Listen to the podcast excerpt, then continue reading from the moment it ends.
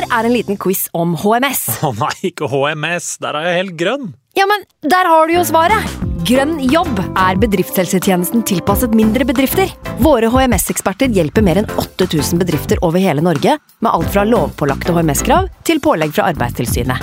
Få på plass bedriftshelsetjeneste på grønnjobb.no.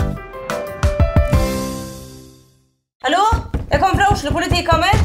Ine Jansen er purk. Er du purk? The motherfucking bitch. Alt jeg vil, er å finne ut hva som skjedde med mannen min. Jon Carew. Er jeg sikta for noe? Iben Akeli. Det er du. Ole So, Lars Berrum og Big Daddy Karsten. Hvem sin side er du på, egentlig? Anette Hoff, Tone Danielsen, Kommer du fra Afrika? Jørnis Josef, Nesten. Kløfta. Trond Espen Seim, Det er synd å si det, men det var feil mann som døde. Purk. Premiere tirsdag på TV2 Play.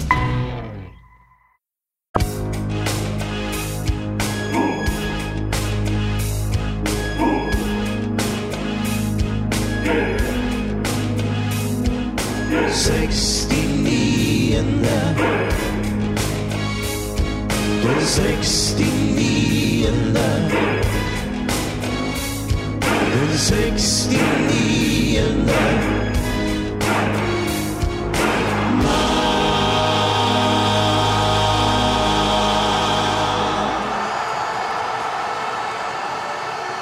Hjertelig velkommen tilbake til den 69. mann. Vi er selvfølgelig supergira på å få lov til å komme i øret ditt enda en gang. 69-toget går videre. Og vi eh, har med oss gjest eh, i dag. Ikke en hvilken som helst eh, gjest, selvfølgelig, som vi har allerede slippet på Twitter. Men nok om gjesten for nå, for vi ble rett og slett kontaktet av Dagfinn Thon, som er TV 2s nye fantasy-ekspert. TV 2 og, og Dagfinn spurte om vi var interessert i å slippe prisene på tre spillere, ett fra hvert av våre favorittlag, og det har vi selvfølgelig takka ja til. Et lite prisdropp. Men vi vi vil bare nevne det. Vi skal ikke være noe fantasy-podkast, og det finnes egne podkaster eh, til nettopp dette. eh, Som da Eliterådet i TV 2. Men eh, vi skal likevel eh, lage én fantasy-episode før seriestart med nettopp eh, Franco fra Eliterådet og Fantasyrådet. Eh, Og de som ikke interesserer seg for fantasy, de kan bare avstå fra å lytte på de episodene, og kan også spole noen uh, minutter fram, fordi resten av episoden blir fantasy-fri. Men uh, vi kommer til å lage vår egen fantasy-liga, hvor det blir litt premier etter uh, sesongen osv. Og, og kanskje litt periodevinner eller rundevinner. Vi får se. Eh, men eh, nok om eh, fantasy. Vi går rett på slipp. Jonas? Jeg har selvfølgelig fått den spilleren jeg ville ha, og det er jo eh, Carlo Holse. Eh, Vi har fått begrunnelse, så jeg tenkte å ta den først. Eh, Dansken er helt klart en av Rosenborgs beste spillere. Assistgang i Eliteserien i fjor med 15 målgivende. Han var mindre målfarlig i fjor enn i de to foregående sesongene. Både når man ser på faktisk skåra mål, som var tre, og på underliggende tall. Det er grunn til at han kun vil koste 9 millioner. Vi forventer mange assist og bonuspoeng. Og så blir det spennende å se om han øker antall skåringer til rundt det han endte opp med i, 2000 i 2021 og 2022. God både som indreløper i 3-5-2 og som kant, eller venstre tier om man vil, i 3-4-3. Han kan potensielt sett bli et kjempekjøp på Fantasy. Ni millioner der, altså, men han er fortsatt skada. Kanskje klar til seriestart. Så får vi se hvilken forfatning han er i, da. Men ja, ni millioner. Over til et eh, langt eh, bedre kjøp. Vi tar Jakob Dikkoeng. Blir eh, satt opp som midtbane og er en meget ung og lovende kantspiller som fikk en del spilletid på høsten i fjor allerede. Leverte ni målpoeng på 700 minutter i Eliteserien. Fantasy-gutta i TV 2 tror han vil få mye mer spilletid, og både Ofkir og Dikkoeng er kanskje best på eh, venstrekanten enn uh, istedenfor høyre, så det kan bli noe kniving der. Men eh, så har du Håkan som er et eh, alternativ i kantmiksen på høyre side. og Det blir spennende å se hvilken kantløsning som fungerer for Vålerenga når sesongen setter i gang. Men eh, at én eller to av de tre vingene blir eh, gode alternativ som kan gi mye målpoeng, det har Fantasy-gutta tro på.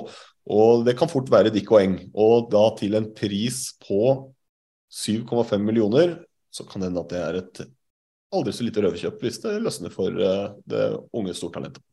Spennende, spennende. Dikko Eng eller Carlo Holse. Jeg har nå da fått lov til å røpe prisen på han som kommer til å bli årets spiller i Eliteserien 2023. Har du også fått Jakob Dikko Eng? Albert Grønbæk. Dansken kom inn midtveis i sesongen i fjor. Glimt spilte som regel to kamper i uka på høsten, og det ble få vanlige Glimt-treninger på Grønbæk. Nå har han hatt en hel oppkjøring, og han har sett bra ut. Vi tror at han, får, at han har potensial til å være en av de fem beste spillerne i ligaen, og at han kan ta det steget allerede i år. Spissene i Glimt har ikke skåret mye mål siden Junker og Botheim dro. Det er kantene og indreløperne som leverer mest målpoeng. Nå har han eh, kjente trenere, medspillere, laget spillprinsipper bedre, så vi tror han får en bra sesong og kommer opp i et bra antall skåringer i 2023. Prisen på Albert Grønbæk, midtbane, ligger på 9,0.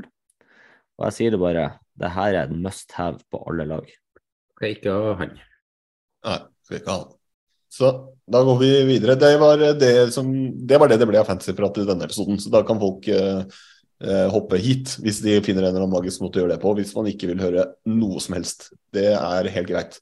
Men um, Du trenger ikke å snakke ned fantasy heller, da. Det er jo jævlig gøy ja, spille. Jeg, jeg, digger det, men vi har vært veldig på at vi skal ikke bli en fantasypod, for det det andre områder sånn. Så da, da vi, vi skal være folk av uh, vårt eget ord.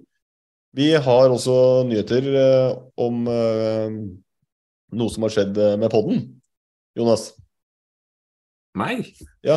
ja. dette har jo vært ditt prosjekt. Du har jo paya 500 Altså, euro for dette her. Ja, det er så mye armer og bein i lufta at eh, skal, vi, skal vi ta den når jeg blir ringt opp av Brønnøysundregistrene? Må, må kanskje forklare hvorfor. Må kanskje forklare hvorfor du ble Ja, ringt opp. altså vi, vi har jo blitt eh, kontakta av moderne media da, som eh, ønsker å få til et samarbeid med oss. Og eh, vi er jo ikke vonde å be, så vi takker jo ja til det. Eh, så da blir det litt reklame i poden. For de som eh, ikke liker det, så er det jo synd, men eh, da dere gjøre som meg, spol. Og da må vi jo organisere oss, da. da må vi, vi, må ha, eller, vi må ha et organisasjonsnummer. Og det her har jeg kontroll på, vet du. Ja, for du begynte å google, du. Jeg begynte å google. jeg var Herregud, jeg finner jo alle svar på Google. Så jeg var jo inne på det jeg trodde var Brønnøysundregistrene og begynte å fylle inn. Logga inn med bank-ID. Ikke noe problem. Og blir ringt opp eh, dagen etterpå av en svenske. Jo, snakka jeg med Jonas? Ja, det gjør du. Eh, Skulle ha 500 euro, da. Så ja. Ja, nå liksom. Ja, jeg skal ha det nå. Så nei, men det kosta jo ikke Det var ikke den summen. Jo, men det var gebyrer Ja, ja, ja, For det var, det var 2600 euro pluss gebyrer. Så Nei, 2600 norske kroner. ja, ja, kroner, men pluss gebyrer så var det opp mot 500 euro. Ja, altså gikk fra norske kroner til euro. Så jeg var jo litt skeptisk, da, så jeg måtte jo Så han krevde å få betalinga med en gang. da. Det her eh, høres jo jævlig snålt ut, og jeg krangla jo litt med han. jo eh, Jeg ble jo litt sint. Eh, Men nå var jeg usikker, for herregud, jeg har ikke noe peiling på det her, da. Så jeg jeg, Jeg spilte jo som om jeg trodde på det, i tilfelle det var sant. Og så han mente at jeg måtte overføre, så jeg forta meg å gå inn på nettbanken og sørge for at jeg ikke hadde nok på brukskonto. Sånn at når jeg skulle betale, så gikk han ikke igjennom. Og så ja, men jeg måtte ha 500 nå. Jeg kan- ikke betale før jeg snakka med de andre i podkasten. Og så nei, du har, du har fylt ut, så du må betale nå. Det, her, er- det, det går ikke an, sa jeg jo. Det, du fylte ut sånn eh, fylte ut sånn eh, bekreftelse i går. Jeg bare Hæ, gjorde jeg det? Så jeg begynte å bli litt usikker på meg sjøl da. Um, Story of your life. Ja, Men, men, men, det beste var jo fra vårt perspektiv i uh, chatten vi kommuniserer, så driver du og live-oppdaterer mens du prater med han uh, svensken. Og jeg, jeg har vært borte, så jeg kommer bare til en sånn lang tråd hvor det er bare du som skriver til deg sjæl. Hvor du sier at nei, det ble noe, uh, 2600 kroner pluss noen gebyrer, så er 500 euro. Jeg bare betaler, jeg. Jeg legger ut. da, jeg, da begynte jeg på panikk. Og så, Du skjønte vel at det var noe ugler i mosen her når han uh, halverte prisen? ja, fordi at han måtte ha det nå, og så begynte han å halvere, så jeg måtte inn på nettbanken og fjerne enda mer fra brukskontoen min. For, å- for å få på at det ikke gikk gjennom, og da kom jeg jo på en sånn annen betalingsterminal. Jeg skjønte jo eh, hva i helvete er det her for noe? Så jeg sa nei, du får ringe meg opp senere. Ja, ja, men nå har du forsøkt å betale, og det er godt nok for meg. OK, OK. Så måtte spille inn lydopptak og bare Herregud. Så, så jeg var ganske kjapp med å ringe Nordea etterpå og sperre det jeg hadde. For eh, jeg hadde jo logga meg inn med bank-ID dagen før, så jeg ville jo være på sikre sida da. Så eh, nei da. Så eh, nå har jeg egentlig 500 euro til overs, da, for jeg trodde jeg måtte betale. Så Det, det er ikke bare bare å måtte opprette en eller annen form for foretak for å få et organisasjonsnummer. Det kan du skrive det på. ja, så vi har jo egentlig Og det er ikke dere heller. Så vi har jo egentlig funnet ut nå at uh, vi har fått tak i ei som heter Jenny, som fiksa alt det her for oss framover nå. Det var kroken på døra når du begynte å deale med han svensken. Da trengte vi hjelp. Da ble vi skjønt at her trenger, vi trenger hjelp. Det, man må jo begynne å lure på hvordan jeg har klart å komme meg uh, framover i livet, egentlig. Men, uh, Men eh, nok, eh, nok prat. Mer finans kan du få i andre podder. eh, og, og bedriftstips. Det, vi er i gang med podkast, så vi kan egentlig bare kjøre i gang med Finanspodden med en gang, tenker jeg. Ja, ja, ja, altså, men eh, vi må prate litt uh, fotball òg, da, når vi først er her. Og det er jo en uh, gjest som uh, utålmodig venter på Nei, gjør ikke det, men som venter på å få å komme til ordet. Så vi må, før vi gjør det, så må vi snakke litt om den ene cupkampen som allerede har spilt, blitt spilt enn når vi spiller denne episoden her. Vi slapp jo en cupspesial i to deler hvor vi en av delene så på hvordan går resten av cupen 2022. Og vi fikk jo fasit allerede eh, dagen etter vi slapp eh, del to eh, i Ranheimsfjæra. Og Glimt tok seg komfortabelt videre. Og Frank, du var jo der. Er det noe, var det noe høydere? Ja, høydere og høydere. Det ble nå 4-0. Ganske sånn som forventa. Eh, tok litt tid før, eh, før målene kom, men etter det så var det kontrollert. Eh, Glimt var det beste laget. Det var divisjonsforskjell på Glimt og Ranheim. og det ble jo selvfølgelig rive av seg skjorta på 4-0 og stå der med forfrosne nipler i eh, kaldeste fjæra i hele Trøndelag. Jeg lurer på om ikke eh, Ekstra Arena er en av de eh, kaldeste arenaene, eh, stadionene i Norge. Og da inkluderer jeg eh, Aspmyra og, og Alfheim. Altså, det er et eller annet med den der sure lufta nedi der. Men eh, det er godt mulig at det er eh, noe vitenskapelig som viser noe celsius som er lavere i Bodø og i Tromsø. altså, Men eh, herregud, jeg frøs da jeg var der eh, som nøytral supporter en gang og skulle se på fotballkamp. Uff. Da er det ekstra deilig at det er på kaldeste vinteren i tillegg. Mm. Eh, Bare å drikke seg opp, så er barisformen på plass. Cupen er best i starten av mars, er det det du prøver å si? Herregud, Kjetil Knutsen har jo vært inne på det her. Vi må starte sesongen 2. januar. Mm. Du er bare som en sånn hjernevaska soldat som bare følger etter i krigen. Hva Kjetil gjør, gjør jeg òg. Kjetil uh, Bodø-Glimt får på Putin? Ja, jeg tror vi går videre. Det er når eh, Jonas begynner å dra inn eh, Putin-sammenligninger, så er det dags for å gå videre. Men vi har i hvert fall fått fasit i en av cupkampene. Vi kan jo ta litt om eh, NRK, egentlig. da. Vi satt jo og så kamper på TV, gjør ikke det? Filma med mobilkamera og uh, henta en eh, kommentator fra bakrus eh, som aldri har sett fotball før. Og eh, de rakk ikke å få inn eh, navnene på spillerne på grafikken. Og heldigvis så klarte jo banemannskapet på Ranheim å rasere banen, sånn at de faktisk fikk fem minutter med sendetid før kamp. da. Men det er urutinert at du bruker NRK når du vet at Frank er der. fordi jeg fikk bare Frank til å streame hele kampen fra eh, supportergruppa. så- Men det hoppa litt en del, men det var tross alt bedre enn NRK. For det var jo Hadde jo peiling på laget og sånn.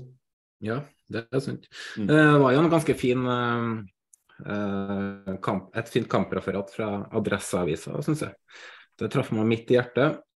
Eh, Der står det drøye 400 Glimt-supportere var på plass i fjæra, og nordlendingene dominerte lydbildet på Ekstra Arena. Men heldigvis er spillet til Glimt bedre enn kvaliteten på supportersangene. Ellers kunne det fort blitt en kamp om å unngå. Er du enig i det, Frank? Ja, Adresseavisa, vet du. De er på like lavt nivå nå som det Rosenborg er, så vi må bare tåle at det kommer den type stikk. Jeg tenker jo at jeg vet ikke hvem som skrev det i adressa, men jeg tenker at uh, hvis man har en eller annen eh, forkjærlighet for Ranheim, så skal man trå ganske forsiktig med han som satt oppi den der bua med den kassegitara og Jeg tror, jeg tror man skal være forsiktig når man blir utsunget på egen hjemmebane av 400 gærne Vålerenga-supportere. Men uh, jeg syns jo det var artig, da. Det var jo det. Det var det. Mm. Nei, men uh, vi uh, går ikke noe mer inn i det. De som trenger å få fasit på cupen før cupen begynner, kan bare høre på cupspesial cupspesialepisodene våre. Og eh, vi har allerede truffet på én der, så vi treffer nok på resten. Men eh, vi må rett og slett eh, få inn eh, gjesten, eller hva? Ja, det Nå må vi gå videre her.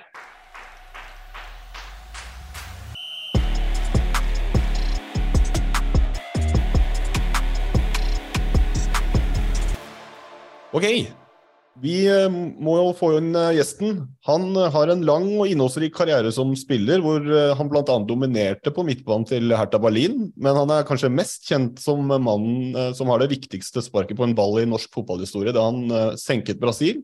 Og han er også mannen som stoppet Rosenborgs gulldominans med VIFs første seriemesterskap på 21 år, og ga Ålesund sitt første og andre tittel i klubbens historie, som også mirakuløst berget HamKam i Obos for å så rykke opp året etterpå. Det baller på seg her. Og uh, skåra Norges aller første mål i et VM-sluttspill. Ikke nok med det, han er attpåtil den eneste nordmann som har skåret i to VM-sluttspill. Så etter mange år med stikk i retning RBK, så skal han nå forsøke å føre nettopp RBK til topps igjen. Mannen, myten, legenden, Kjetil Rekdal, hjertelig velkommen til den 69. mann. Takk for det. Hvordan eh, går det nå? Har du kontroll på nervene og sånn før sesongstart, eller er du skikkelig nervøs, eller hvordan går det? Jeg er mest opptatt med været etter flyturen til Stavanger og hjem igjen. Så det er den som plager meg, at det ikke blir for mye vind. Så Ellers er jo været litt spesielt i Trondheim, det har jeg fått merke. Litt Ja, snø nå og litt kaldt, men eh, ellers så um, Nei, vi, vi trener godt. Vi får ikke gjort mer enn det. Og så må vi prøve å ta det inn i kampene og utvikle oss kontinuerlig. Mm. Jeg, jeg, jeg er jo Trondheim sjøl, så jeg kan skrive under på at det er ikke optimale treningsforhold borte ved Brakkehavndagen, hvis du tenker på sånn, komfort, hvor komfortabel man kanskje er når man går på matta. Nei, det er det ikke. Og I går var det veldig spesielt. for Når vi skulle gå ut og trene, så kom det en vanvittig snøbyge. Så det la seg en 10-15 cm på et kvarter. Mm. Og det stoppa ikke heller, så vi, vi utsatte treninga og trente på ettermiddagen. Så vi fikk jo gjennomført det vi skulle, da. Så, men sånn er det i, i Norge. Det, naturen får vi ikke gjort noe med. Det vil alltids være noen utfordringer i løpet av året. Så vi skal nok være klar til kamp på søndag om det var snø i går eller ei. Mm. Jeg eh, bare tenkte jeg tenkte vi skulle ta og spørre deg kjapt før Jonas tar praten mer inn på RBK. For vi har jo møttes før, eh, Kjetil, men det tror jeg ikke du husker. Fordi i 2000, når du eh, ble Vålerenga-spiller, så kan du huske at du var med på en sånn avslutning i Vålerenga kjerke for et guttelag på rundt 12-13 år, og delte ut noen priser og sånn? Nei, Det klarer jeg ikke å huske. Jeg har vært med på så mange sånne tilfeller, så det Nei, fordi det, det var vårt første møte, så nå har det gått okay. noen år siden da. da Ja. Så da får vi se om vi klarer å catche opp imellom. Det var egentlig det, skal vi se om vi kan fylle inn tomrommet. Men eh, ja. det har blitt noen år. Men eh, Jonas har et eh, tettpakka program for hva han har lyst til å få, å få ut av den kvelden her. Så Jonas, jeg bare sender ballen til deg. Ja. Ja, eh, fint det. Jeg tenkte jo Før vi begynte å snakke litt Rosenborg, da, så begynte jeg å bla tilbake i eh, gamle tweets. For um, ditt navn ble vel nevnt i forbindelse med Rosenborg andre uke i desember i uh, 2021. Og da var det mange som hadde en mening å komme med, så jeg tenkte å ta igjennom et par av de Twitter-meldingene som kom. Så Ja. kan du se om eh, du er enig, eller om det viser seg å ha vært nært sannheten eller ikke. Da. Den første meldinga er hvis du vil ha Rekdal, vil du med andre ord ikke ha en trener som spiller eget spill, men som legger opp spillet ut fra motstanderne. Rekdal er en trener som er resultatorientert, ikke utviklings- og prestasjonsorientert. Det er en eh, påstand du er enig i, eller? Nei, det, det, er så feil som det går an. Det er klart at Resultatene vil jo alltid være avgjørende til slutt. Men det er mange veier på å få et optimalt resultat. Jeg skjønner jo tanken rundt det. For i utgangspunktet så har jeg starta med klubber som har ligget i krisesituasjoner langt ned på tabellen. Og Det første steget er da å begynne å, å unngå å tape. Og Når du har kommet dit, så skal du begynne å vinne, og når du begynner å vinne, så skal du vinne mer. Så, eh, men det er klart, har, jo mindre klubbene er, jo lengre tid trenger du på dette. der, og Det er jo sånn i den bransjen her at uh, du er jo ikke på evig tid. Det er jo ofte epoker som varer i to år, tre år, kanskje fire år, noen ganger litt lenger. Uh, så um, det der stemmer ikke helt, da. Men det er klart at jo bedre lag du har, jo mer ferdigheter laget ditt har, så lettere er det å, å drive i andre enden av banen. da. Da, når du har nok styrke til å vinne på, på, egne ferdigheter, så er det mer fokus enn hvis du er et svakere lag enn dem du møter opp. Vi kan jo ta Drillos-tida. Vi var jo ferdighetsmessig ganske mye svakere enn nasjonene vi møtte. Men vi fikk et kollektiv eh, som, eh, som, ble bra.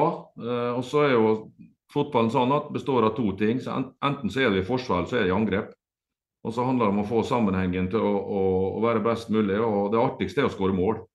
Jeg har skåret mye mål i min egen karriere, så jeg hadde jo alltid den drangen fremover. og det, det må du ha som, som trener. Og, og, så må du da selvfølgelig legge lista der så at laget håndterer det. Det er ikke noe vits å gå på banen og tape 4-3 hver helg. Det blir mange som eh, blir sure ganske fort da. og så En balansegang i det, eh, selvfølgelig. Men eh, jeg, jeg, har kommet til en klubb nå som har en historie med på en måte Det er ikke nok å vinne, du skal også underholde. Og fort gjennom sesongen i fjor så tror jeg vi fikk bekrefta at vi, vi, tenker veldig i den banen vi òg, som er her nå. Det sies at uh, Jeg er ikke enig i den Twitter-meldinga sjøl, uh, sjøl om det var jeg sjøl som skrev den. Ja, ok. Men det gikk jo Det er jo litt sånn at når en, når, en ting blir sagt ofte om en person, så blir det en sannhet i det. da. Så eh, Det ble jo ofte sagt om deg at du var en resultatorientert trener, men etter det er alle, tre alle, trenere er det. Men. Det, altså det, får du ikke resultat, så har du ikke jobb. Eh, så det alle trenere tenker den banen, men veien dit da er jo forskjellig. Vi har jo eh, hatt, hatt deg ett år i Rosenborg nå.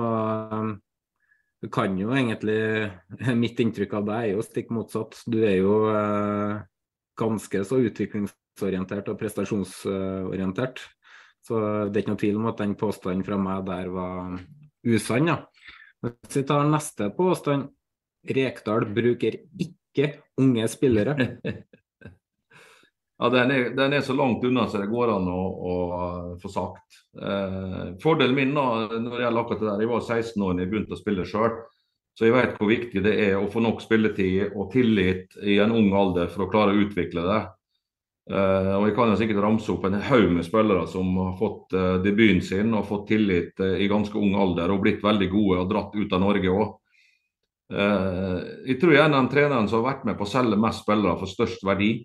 Både antall og verdi i, i, i min tid som trener i Norge. Så, men det som du sier da, det, Hvis du hamrer løs på en, en, påstand lenge nok, så vil jo sakte, men sikkert flere og flere tro på at det er sant. Men det, det er helt feil.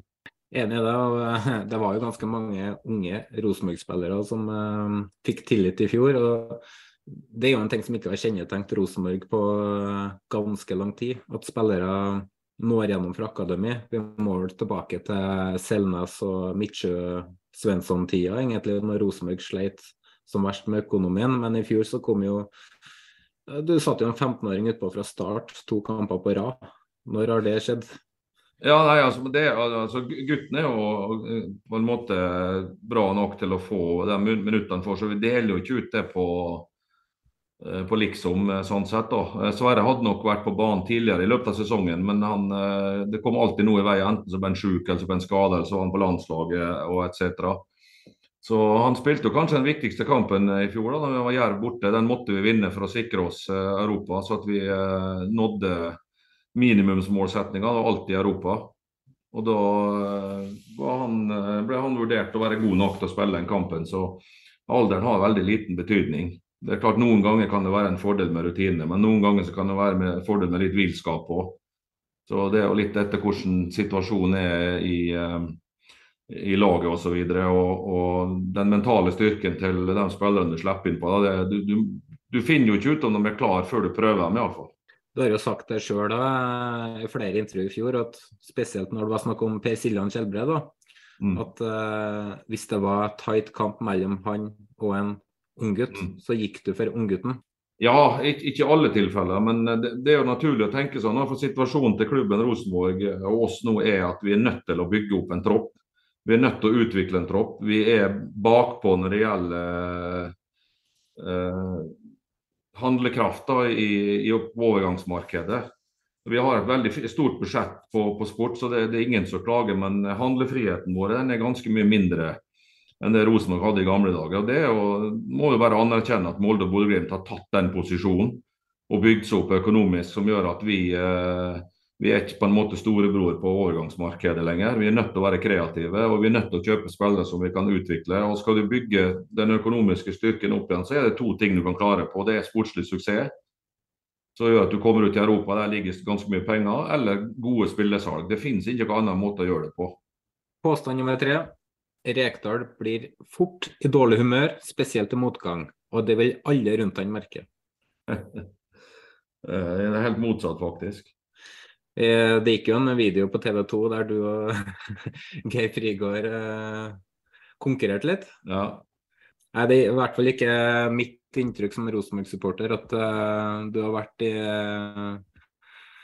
dårlig humør. Men det er klart at man, når man begynner å tenke tilbake på Du har jo holdt på som fotballtrener i det er vel 20 år nå? 21 år? Ja, ja. jeg begynte vel i 2001. Ja, ja 2001. Mm. Og når man begynner å mimre tilbake til din karriere, så blir jo situasjoner som Bakke eller når du har kjefta til media, det er jo det man gjerne man husker, da, selv om det har vært enkelttilfeller. bare. Ja, altså det, folk vil jo ofte gjerne huske det de vil sjøl. Um, men det, du, du, lærer jo gjennom livet, eh, selvfølgelig. Altså det å du, du, blir jo, altså du skaffer jo kompetanse og erfaring fra hver eneste sesong du driver på. Uh, så jeg vil jo tro at uh, du kan utvikle det kontinuerlig som trener òg. Eh, og, og, måten jeg trener laget mitt uh, på i dag er jo helt annerledes enn hvis du, når du begynte for 20 år siden. Det sier seg egentlig sjøl, for at samfunnet endrer seg. og Personligheten til spillerne endrer seg, og, og alt rundt har endrer seg. Så det, det, det, er jo et helt annet fokus nå enn en, en den gangen. Så du, du, er nødt til å gå, gå varsomt en del ganger og være veldig tydelig. og jeg har aldri kjefter på noen fordi at de har gjort dårlige prestasjoner. Det kan være mer hvis de har vært illojale ikke, eller ikke møter opp sånn som de skal møte opp, eller ikke gjør den jobben de er satt til. Da kan det være, da kan jeg være brutal med dem. Men eh, om en slår et innlegg bak mål, så det er jo ingen som gjør det med vilje. Så, du må, du må bygge opp en tillit da, mellom spiller og trener som gjør at de tror på det du sier. Og så når de oppdager at de begynner å utvikle seg, så er de mottakelige for mye mer. Og Det er jo det som er kunsten her, å, aldri sette ei grense. For det, utvikling kan gå til det uendelige. Neste. Litt uh, morsomme, da, men uh, hvis Kjetil Rekdal kommer til Rosenborg, går i hvert fall Kasper Foss en lys framtid i møte. det er jo litt sannhet i det. Uh, neste. Kjetil Rekdal har ingenting i Rosenborg å gjøre. Lerkendal kommer til å stå tomt.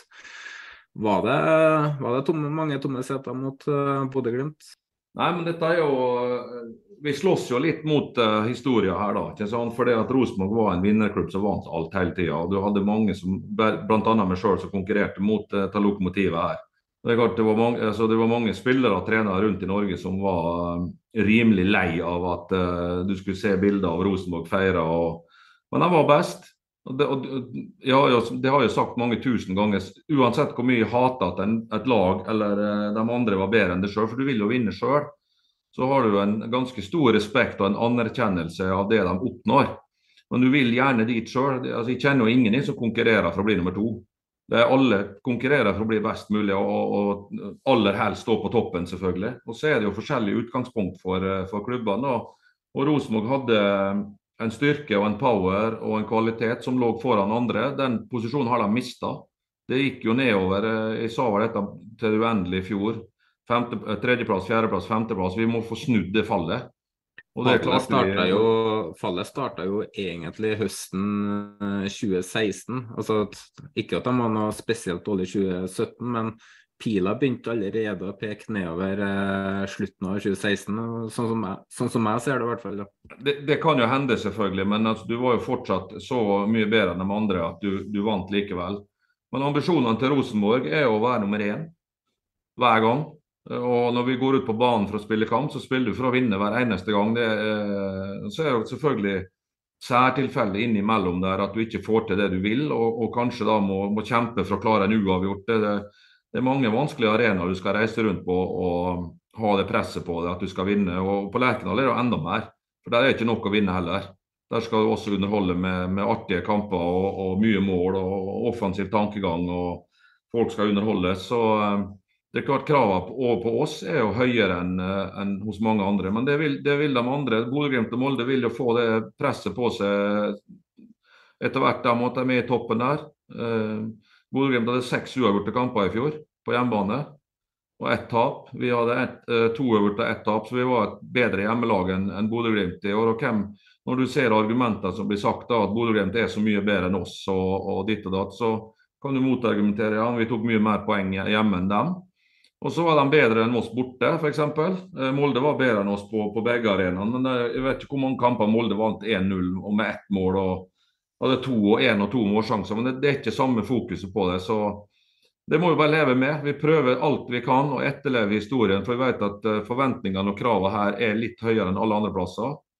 Og der ligger lista i det daglige arbeidet vi holder på med. Og så må vi bare ta den tida det trenger. Du blir ikke best ved å, å, å, tro at du skal hoppe over et hinder som du ikke klarer å hoppe over. Det skaper bare frustrasjon og skuffelse. Så um, vi uh, har bygd opp en fantastisk treningskultur i løpet av året som har gått. Vi ligger på et ekstremt høyt nå i kvalitet på treningene våre. og Så må vi klare å ta og gjenskape det i kampene i større grad enn vi har klart så langt.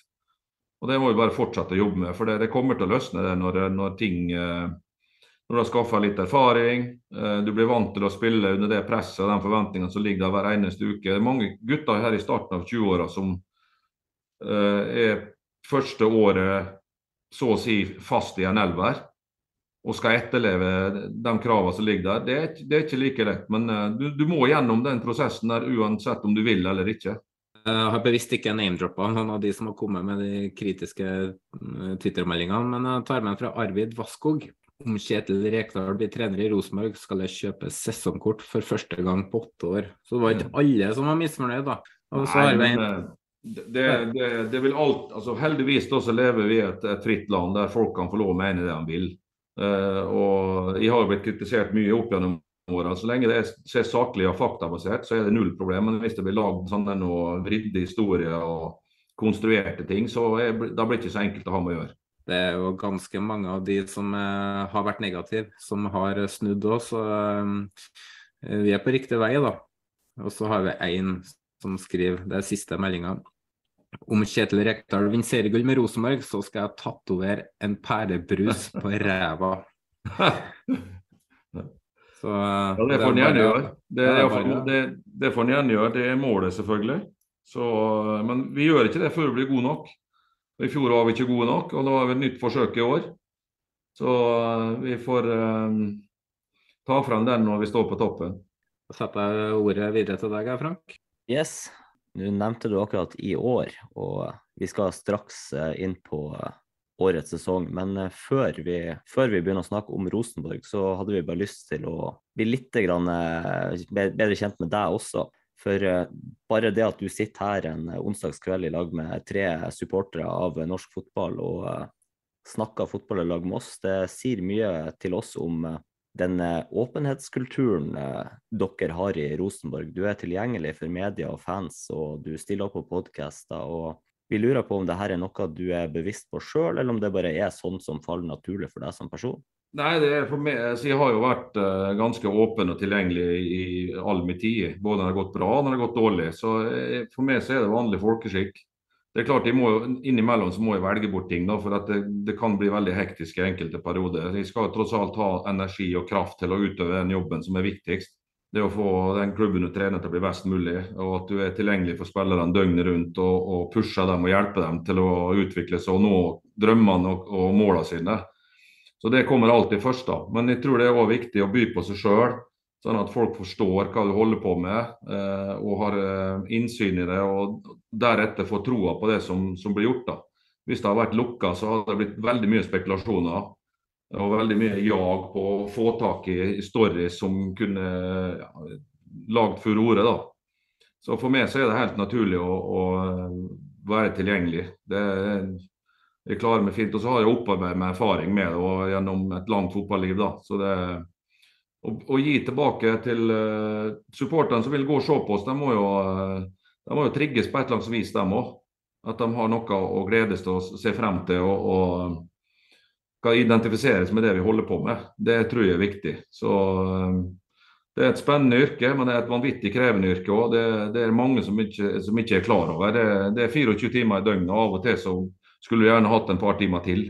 Ja, vi hadde jo han eh, Petter Myhre fra Lillestrøm eh, innom podkasten for noen episoder tilbake, og han eh, nevnte jo akkurat det her at det er en jobb som går døgnet rundt. Det er egentlig ikke ferie engang. Det er bare gjerne skrudd på kontinuerlig for å levere best mulig. Ja, det, og, det, og det er jo små marginer da, som, som, skiller mellom seier og tap ganske mange ganger i løpet av en sesong. Det kan være en halvmeter her eller en centimeter der. Det kan være nå kommer jo VAR, så de verste, sånn, verste feilene blir sannsynligvis tatt bort. Men det blir ikke 100 riktig nå heller. Så Du er jo avhengig av så, så utrolig mange element som du ikke kan styre. Og Det må du faktisk forholde deg til.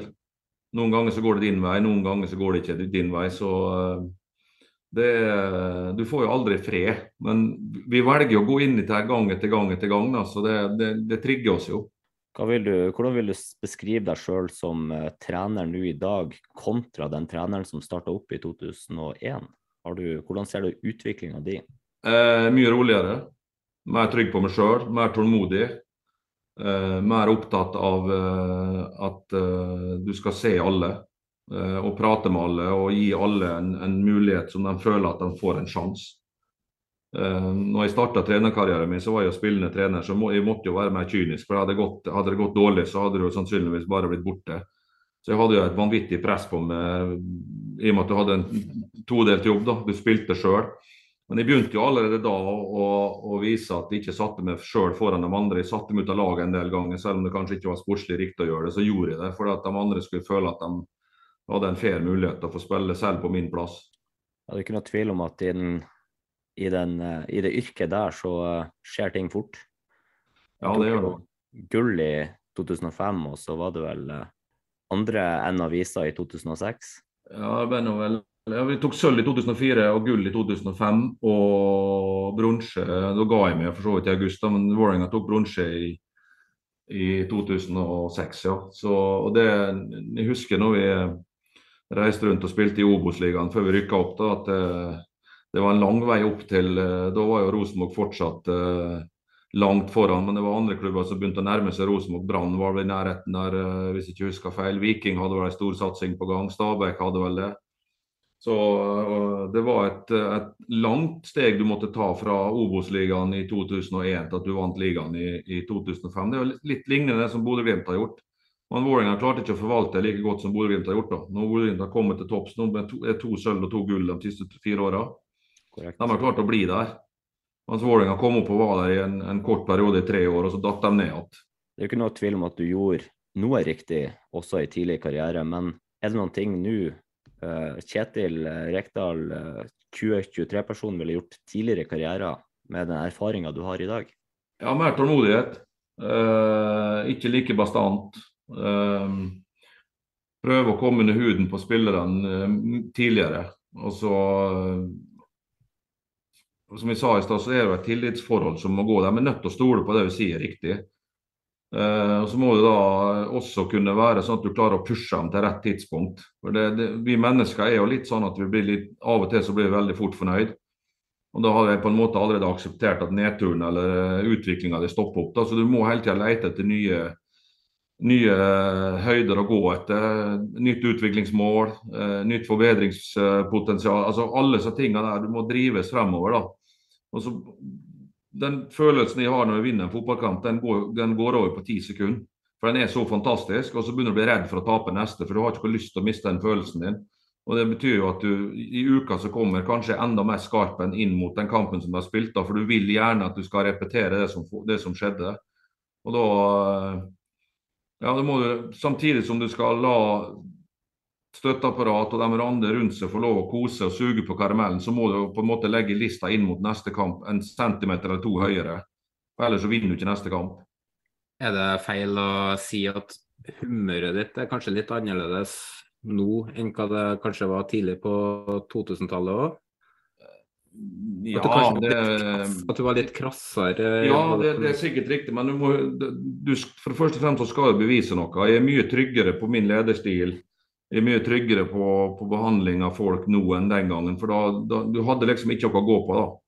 Nå har du på en måte opparbeida en litt større base som gjør at du, du ser ting med litt større fornuft. Og ikke like bombastisk med en gang det er et eller annet galt. Og, og kanskje tenderer til å ikke overreagere, men ta litt for raske beslutninger. Da. Nå har du litt mer tålmodighet, eh, både når det gjelder bytte på laguttak, eh, spillere som må utvikles. At de får istedenfor én kamp inn og så rett ut, at så får de kanskje to kamper, tre kamper, fire kamper.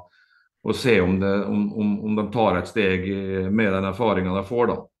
Men eh, det var nok mer for at de sto under et voldsomt press. Da hadde jeg ikke lykkes som, som trener i Vålerenga den gangen, så er det ikke sikkert jeg hadde hatt det yrket i 20 år. Så det, vi, vi, er, vi er under et vanvittig uh, trøkk, vi som holder på med dette her. Da, For det som jeg sa i stad, det, det, er ting du ikke har kontroll på. Du kan gjøre en fantastisk sesong, men likevel ikke få de resultatene du fortjener eller burde hatt av ytre omstendigheter. Men over tid så vil det som oftest bli som du fortjener. Eh, med tida så har jo også fotballen utvikla seg. Vi har jo fått eh, teknologiske verktøy som eh, også hjelper til. Hvordan vil du sammenligne tidlig karriere med dagens i forhold til det å hjelpe, hjelp unge spillere å utvikle seg og, og, bygge lag i dag, kontra det var da? Nå har du med meg fakta. Altså Før når vi holdt på, jeg vet når jeg trente som unggutt sjøl, så jeg trente ganske mye mer enn alle andre. Det var en av grunnene til at jeg klarte å komme såpass langt som jeg gjorde. Og det var mange ting jeg ikke visste den gangen som jeg vet nå. Jeg kunne trent annerledes for å bli raskere. Eh, jeg kunne eh, trent altså, mer med kvalitet enn kvantitet noen ganger. Så når du, når du har videobilder eh, som du har nå, du har målinger på intensitet, du har måling på antall kilometer, du har måling på antall sprintmeter, i hvilke soner du ligger. Opp mot 25 km i timen, opp mot 30, eller over 30. Så du har et, et hjelpemiddel nå som du eh, har bedre kontroll av. Og tempoet i fotball har jo økt vanvittig. Når jeg sitter og ser en landskap for 20 år siden, eller på 90-tallet, så var det nesten gårdfotball i forhold til det som, som pågår nå. Uh, og når de, uh, du ser på Premier League, da norske lag var jo bedre trent enn Premier League-klubbene for uh, 10, altså 15 år tilbake. da. Men nå er vi ikke i nærheten. Nå møter du monster som er stygghurtige, råsterke og har basisferdigheter som, som, er helt på ypperste, ypperste nivå. Da. Så vi har fortsatt noe å strekke oss etter. Men det er artig at vi, vi, vi begynner å ta innpå igjen. Og Det er jo det viktigste, at, og det må motivere oss til å fortsette den harde jobben som pågår i, rundt omkring i Fotball-Norge nå. da. Ja, du har vel uttalt tidligere at det er bare bra at uh, rivalene dine er sterke, for det gjør deg også sterkere? Ja, jeg tror ikke det blir best av å håpe at andre skal bli dårligere, nei. Det Å ha noe å strekke seg til, det, det, er en stor fordel. Men som, som sagt, så er det at du, du slåss jo med nebb og klør for å komme over sjøl.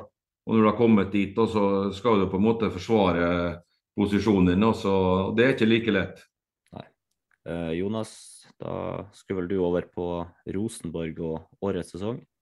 Ja, vi lurer jo litt på um, hva er dine tanker om Rosenborg i dag? Hvor, uh, hvor står dere? Hvor har dere størst forbedringspotensial? Hva er styrken deres per nå? Den har endra seg litt fra høsten, da. Uh, vi, vi, brukte jo ganske lang tid eh, på å få satt ting skikkelig i system i fjor. Eh, vi økte jo eller endra jo treningshverdagen ganske brutalt. Fordi at det måtte opp på et høyere nivå når det gjelder intensitet eh, og kvalitet.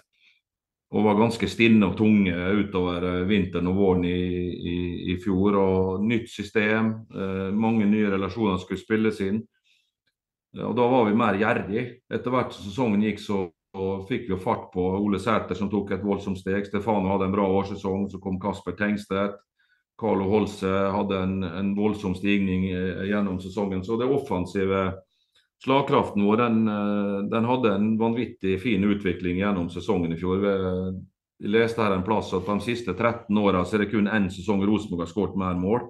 Og Det var vi veldig fornøyd med, men vi slapp inn altfor mye. Så, men nå er det kanskje litt snudd, da, at vi er litt mer robuste bakover gjennom vinteren. Slepte veldig lite sjanser, men mindre farlig fremover.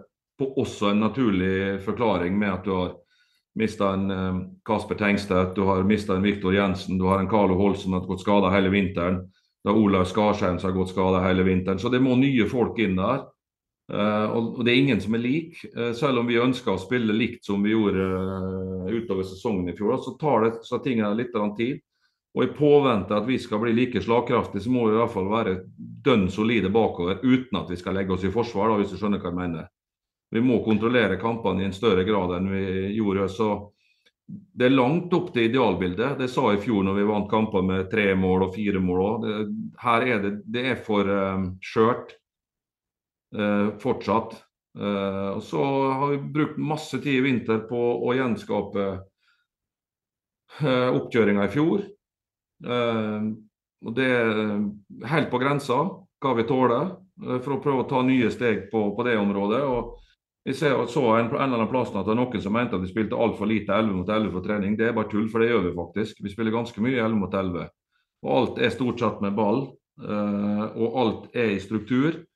Alle øvelser er det de som spiller ved siden av hverandre i, i, i kampene, de trener sammen og møte da kanskje en annen andre lagdelen som skal spille mot de andre. så at vi, eh, vi har et veldig bra nivå på treningshverdagen. Selvfølgelig, Det sier jo alle. Men vi vet at vi har det, for vi har tester som viser det, og vi har eh, kontroll på det. Men så er det å ta det inn i kamp. Der har vi slitt. Eh, litt mindre i år enn i fjor. I år har vi ikke tapt en treningskamp ennå, selv om det har ikke vært noe fyrverkeri. Det er jeg fullstendig klar over. Men alvoret har ikke starta. Det er et langt uh, race, dette. Det er ikke en kort sprint. Så vi bygger kapasitet for å utvikle oss videre. Det tror jeg er punkt én, som er utgangspunktet vårt. Ja, du snakker jo om det å bli mer eh, solid defensivt. Jeg har jo sett uh, det meste i vinter òg. Um, og det ser jo klare tegn til at uh, det, det, ser uh, mye mer kompakt ut uh, bakover på banen. Da. Vi ser jo helt klart at det er en forsterkning med Yttergård Jensen som uh, venstre og venstrebeint sidestopper. Uh, og så har jeg ikke vært og sett på treninga, men jeg ser jo at dere har jobba veldig mye med frispilling bakfra. For det, i fjor det jo, gikk det jo ofte to-tre pasninger, og så kom det en lang ball opp til Ole Sæter. Men uh, Eh, to siste kampene mot KBK og Ålesund på fryktelig dårlig underlag med snø, så har dere likevel hatt veldig god kontroll og vært rolig i frispillinga bakfra. Og ser jo Tangvik har ballen, og seks sekunder etterpå så er ballen opp i motsatt 16-meter uten at det har vært slått en lang ball. Så vi ser jo det Selv om det kanskje ikke har svingt offensivt, så ser vi at det har tatt steg her. Ja, altså nå er det jo viktig å påpeke at en lang pasning trenger ikke å være dunking. Det kan være en, en planlagt uh, bit. Vi, vi har skåret noen mål i fjor på lag som kom opp pressa så høyt og sto igjen mann bak. og da, mann, mann bak, og Hvis du da klarer å, å spille ut på uh, en av spissene dine og få etter folk, både angripe med begge wingbackene dine og begge indreløpene dine, så kan du overrumple motstanderen dine noen ganger. Men for å få kontroll på kampene, større kontroll på kampene som vi er inne på, så er vi nødt til å ha ballen mer. Eh, men vi vil jo ikke ha ballen rundt egen 16-meter. Det er jo ikke det som er viktig. Det er jo ikke der det skårer mål. Så frispilling er jo en tanke på å komme fortest mulig frem. Uh, og så Gjerne det gjennom to-tre pasninger, selvfølgelig. Men noen ganger kan det være et, en, en, lengre pasning opp en spiss. Vi skåret et mål mot Odd borte. Der vi uh, Odd kommer og presses høyt. Og vi spiller litt, får dem opp i banen. Så er det en lang pasning opp på Ole som tar ned og spiller Carlo rett gjennom. Så legger han på tvers til Erlend som skårer. Og det var et planlagt trekk. Eh, så, men jeg pleier å si det på den enklest mulige måten. Du må spille kampen som en er. Lære seg det. Får du plass, ja da må du utnytte plassen. Har du ikke plass, så må du skaffe deg plass. Så vi prøver å være et, et, et, tungt lag som angriper med mye folk, eh, og på forskjellige måter etter hva motstanderen tillater oss. Og Da vil du kanskje ikke se da, ei helg så angriper en motstander på en, på en, bestemt måte, og så kommer et annet lag med en annen formasjon og en annen tilnærming til det. Ja, Da må du kanskje angripe dem på et, på et annet sett. da. Og Da blir det ikke sånn at de angrepene som du hadde i dag, blir klink like som angrepene forrige uke. Men det er jo der motstanderen gir det rom du må angripe. og Der er jo Bodø-Glimt eh, ekstremt gode. da. De uh, klarer å, å, beholde ballen på, siste, på motstanderens halvdel lenge nok til det blir åpninger. Og det, det, er ikke, det, er ikke, det, er ikke, like angrep hver gang uh, Bodø-Glimt kommer frem. De angriper der det blir rom til slutt. Men de er flinke til å, å, å, ha den tålmodigheten og skaffe seg den plassen. Da. Så de ligger litt foran oss på akkurat det området der. Bredden eh, på laget nå vil jeg si eh, det er en helt annen bredde i år enn i fjor. Eh, det ser man jo kanskje på trening òg, når man får spille 11 mot 11 uten Vetle på backen. Ja. Eh, spesielt sentralt nå på midtbanen så um, har, har, det blitt ordentlig bredde. Nå, det er mange som stusser på når det hentes enda midtbanespiller, hvor mange skal vi ha? Mm. Men hvordan ser du på den midtbanekampen der? Er det sånn at det skal jo spilles mange kamper i år, langt ja. flere enn i fjor. Er det stort sett rotasjon, eller prøver du å finne kombinasjoner som passer sammen med komplementære ferdigheter? Ja, Det er jo det vi drev med hele vinteren. Satt sammen folk for å se om, om, det er konstellasjoner eller relasjoner som kan fungere i, eh, når det blir rulleringer, selvfølgelig. Altså, som, jeg, som jeg sa i fjor, da når vi tapte treningskampene, så sier jeg at det er én ting som gjelder, det er at vi er klare i Bodø vi får ikke noe poeng i treningskampene. Vi må, vi må, jobbe videre med våre ting. Så gjorde vi en ganske god kamp i Bodø. Vi hadde faktisk muligheten til å vinne. her oppe. Vi burde kanskje gjort det uh, sett, Hvis du statistisk sett setter ned og ser på det, da. Selv om Bodø-Glimt hadde ballen mer osv., så, videre, så hadde vi flere målsjanser enn dem.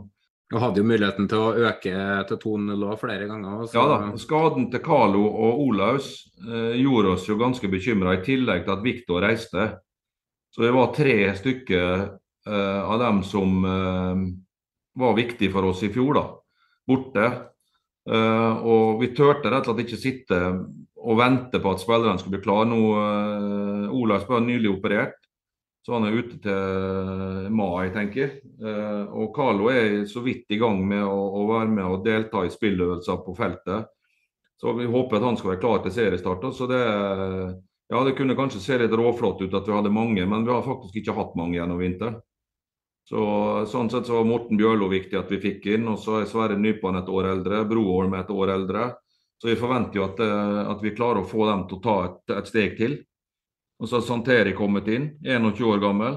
Eh, har allerede internasjonal erfaring med, med, med U-landslaget og en kamp med A-landslaget og Europa-league-kamper med HJK. Så, men det er der vi står, da. Det er disse der vi må finne, og så eh, må vi gjøre dem bedre. Du nevner jo Bjørlo og vennene. Det er jo to spillere som uh, jeg har blitt imponert over i vinter. Uh, Bjørlo er jo ordentlig allrounder, god begge veien, bra driv med ballen. Men uh, spesielt Venenen, 21 år som du sier, men han framstår jo med en litt annen rutine og robusthet, vil jeg si. Og, han er en terrier. Han er veldig god defensivt. Han dekker store rom og er en god takler. Ja, det er en av de beste statistikkene fra Europaligaen i fjor. Eh, ja da, og så må vi få, få han til å bli bedre andre veien. da. Altså Distribuere pasningene, spille fremover. Lete etter de løsningene som er der uh, fort nok. Man dekker rom, uh, og, og, og, det å vinne ballen der er han høy klasse allerede. Så vi uh, har veldig tro på han. Siljan ser ut til å ha fått en ny vår her ser jo uh, frisk og rask ut. og synes jo spesielt eh, trioen Siljan, Bjørlo og Venenen har jo sett Det ser ut som uh, kombinasjonsspillet dem mellom uh, sitt, i hvert fall. Og de står jo godt defensivt òg. Og så sliter ja. kanskje litt med samhandlinga med de to på topp. Ja, altså Bjørlo og Per og, og Santeri var ingen naturlige målskårere. Vi sleit jo lenge i fjor for at midtbanespillerne våre begynte å skåre mål. Vi hadde Tobias med to mål i Bodø, og så kommer neste midtbanemålet den 13. serien mot Tromsø. Så det er klart at vi, eh, vi trenger mål fra alle lagdelene våre. Wingbackene må skåre over tosifra totalt sammen. Stopperne våre må kanskje komme opp i åtte-ti dødballmål. Spissene våre må opp, til, opp i 30 til sammen. Midtbanen kanskje 15 til sammen, hvis vi skal opp mot uh, over 60. Da. Så vi har jo sånne mål på oss uh, der. Da. Når det gjelder Per, da, for å si det sånn, så er det viktig å ha han tilgjengelig. Han, han, hvis han spiller for lenge en kamp, så er det en fare for at han ikke å restituere seg fort nok til neste kamp. da. Så Det er bedre da at han spiller litt mindre, og så har du han tilgjengelig. For han er fortsatt en veldig god spiller.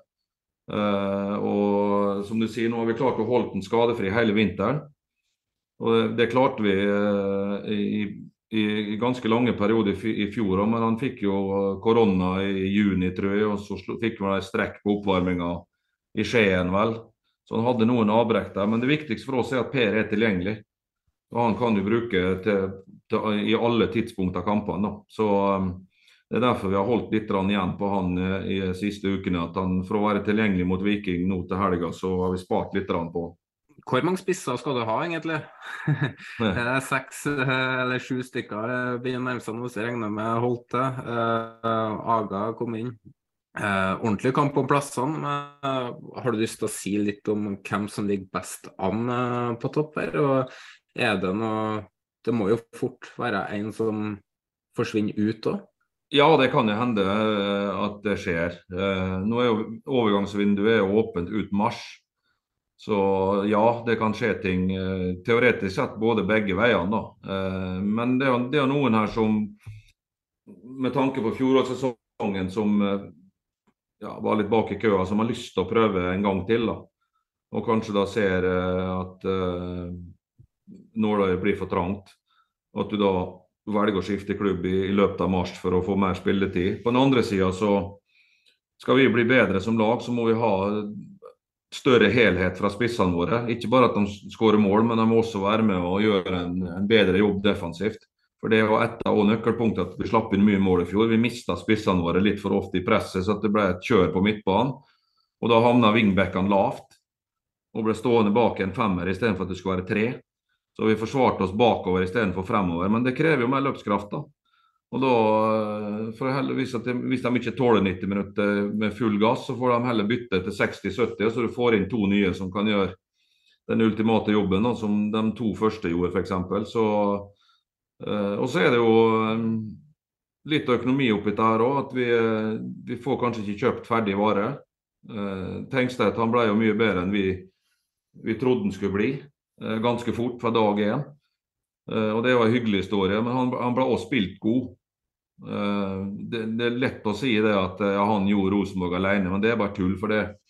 Vi tapte fire kamper med Tengstedt på 14, og vi tapte to av 16 uten han. Ja, vi ble bedre offensivt, for han passa som hånd i hanske inn i hvordan vi spiller. Men det var også lagkameratene som bidro til at Tengstedt lyktes sånn som han gjorde. Det var ikke han på egen hånd. Det er etterlyst ofte Eh, og høyt før Tengstedt kom. Vi hadde jo uh, Fia Bema i fjor, Vecchia, Sæter altså Vi hadde jo spisser. Mm. Men etterlyst de som uh, trua bakrom. Ja. Det var ofte litt for statisk. Begge skulle gjerne møte og ha ballen i beina eller huet. Og ingen som trua. Uh, første registrert med Tengstedt etter to minutter mot HamKam, at han faktisk var truende i rommet bak, i tillegg til at han var møtende, veldig bevegelig. Er det noe du ser etter når du ja. Det har variert litt med 3-4-3 og 3-5-2, da, men når du har to spisser på topp, er det er det en egenskap du spesielt ser etter i den ene spissen, eller begge? Ja, De må jo være, de må passe sammen. Sånn Hvis begge spissene møter, så havner du langt ned i banen og ikke har spillpunkt foran det. Så eh, Vi vil ha spisser som strekker, og vi vil ha spisser som stikker i bakrom. for at Du, du får ikke bakrom, eller mellomrom uten at du, du skaffer eller trussel i bakrom. da.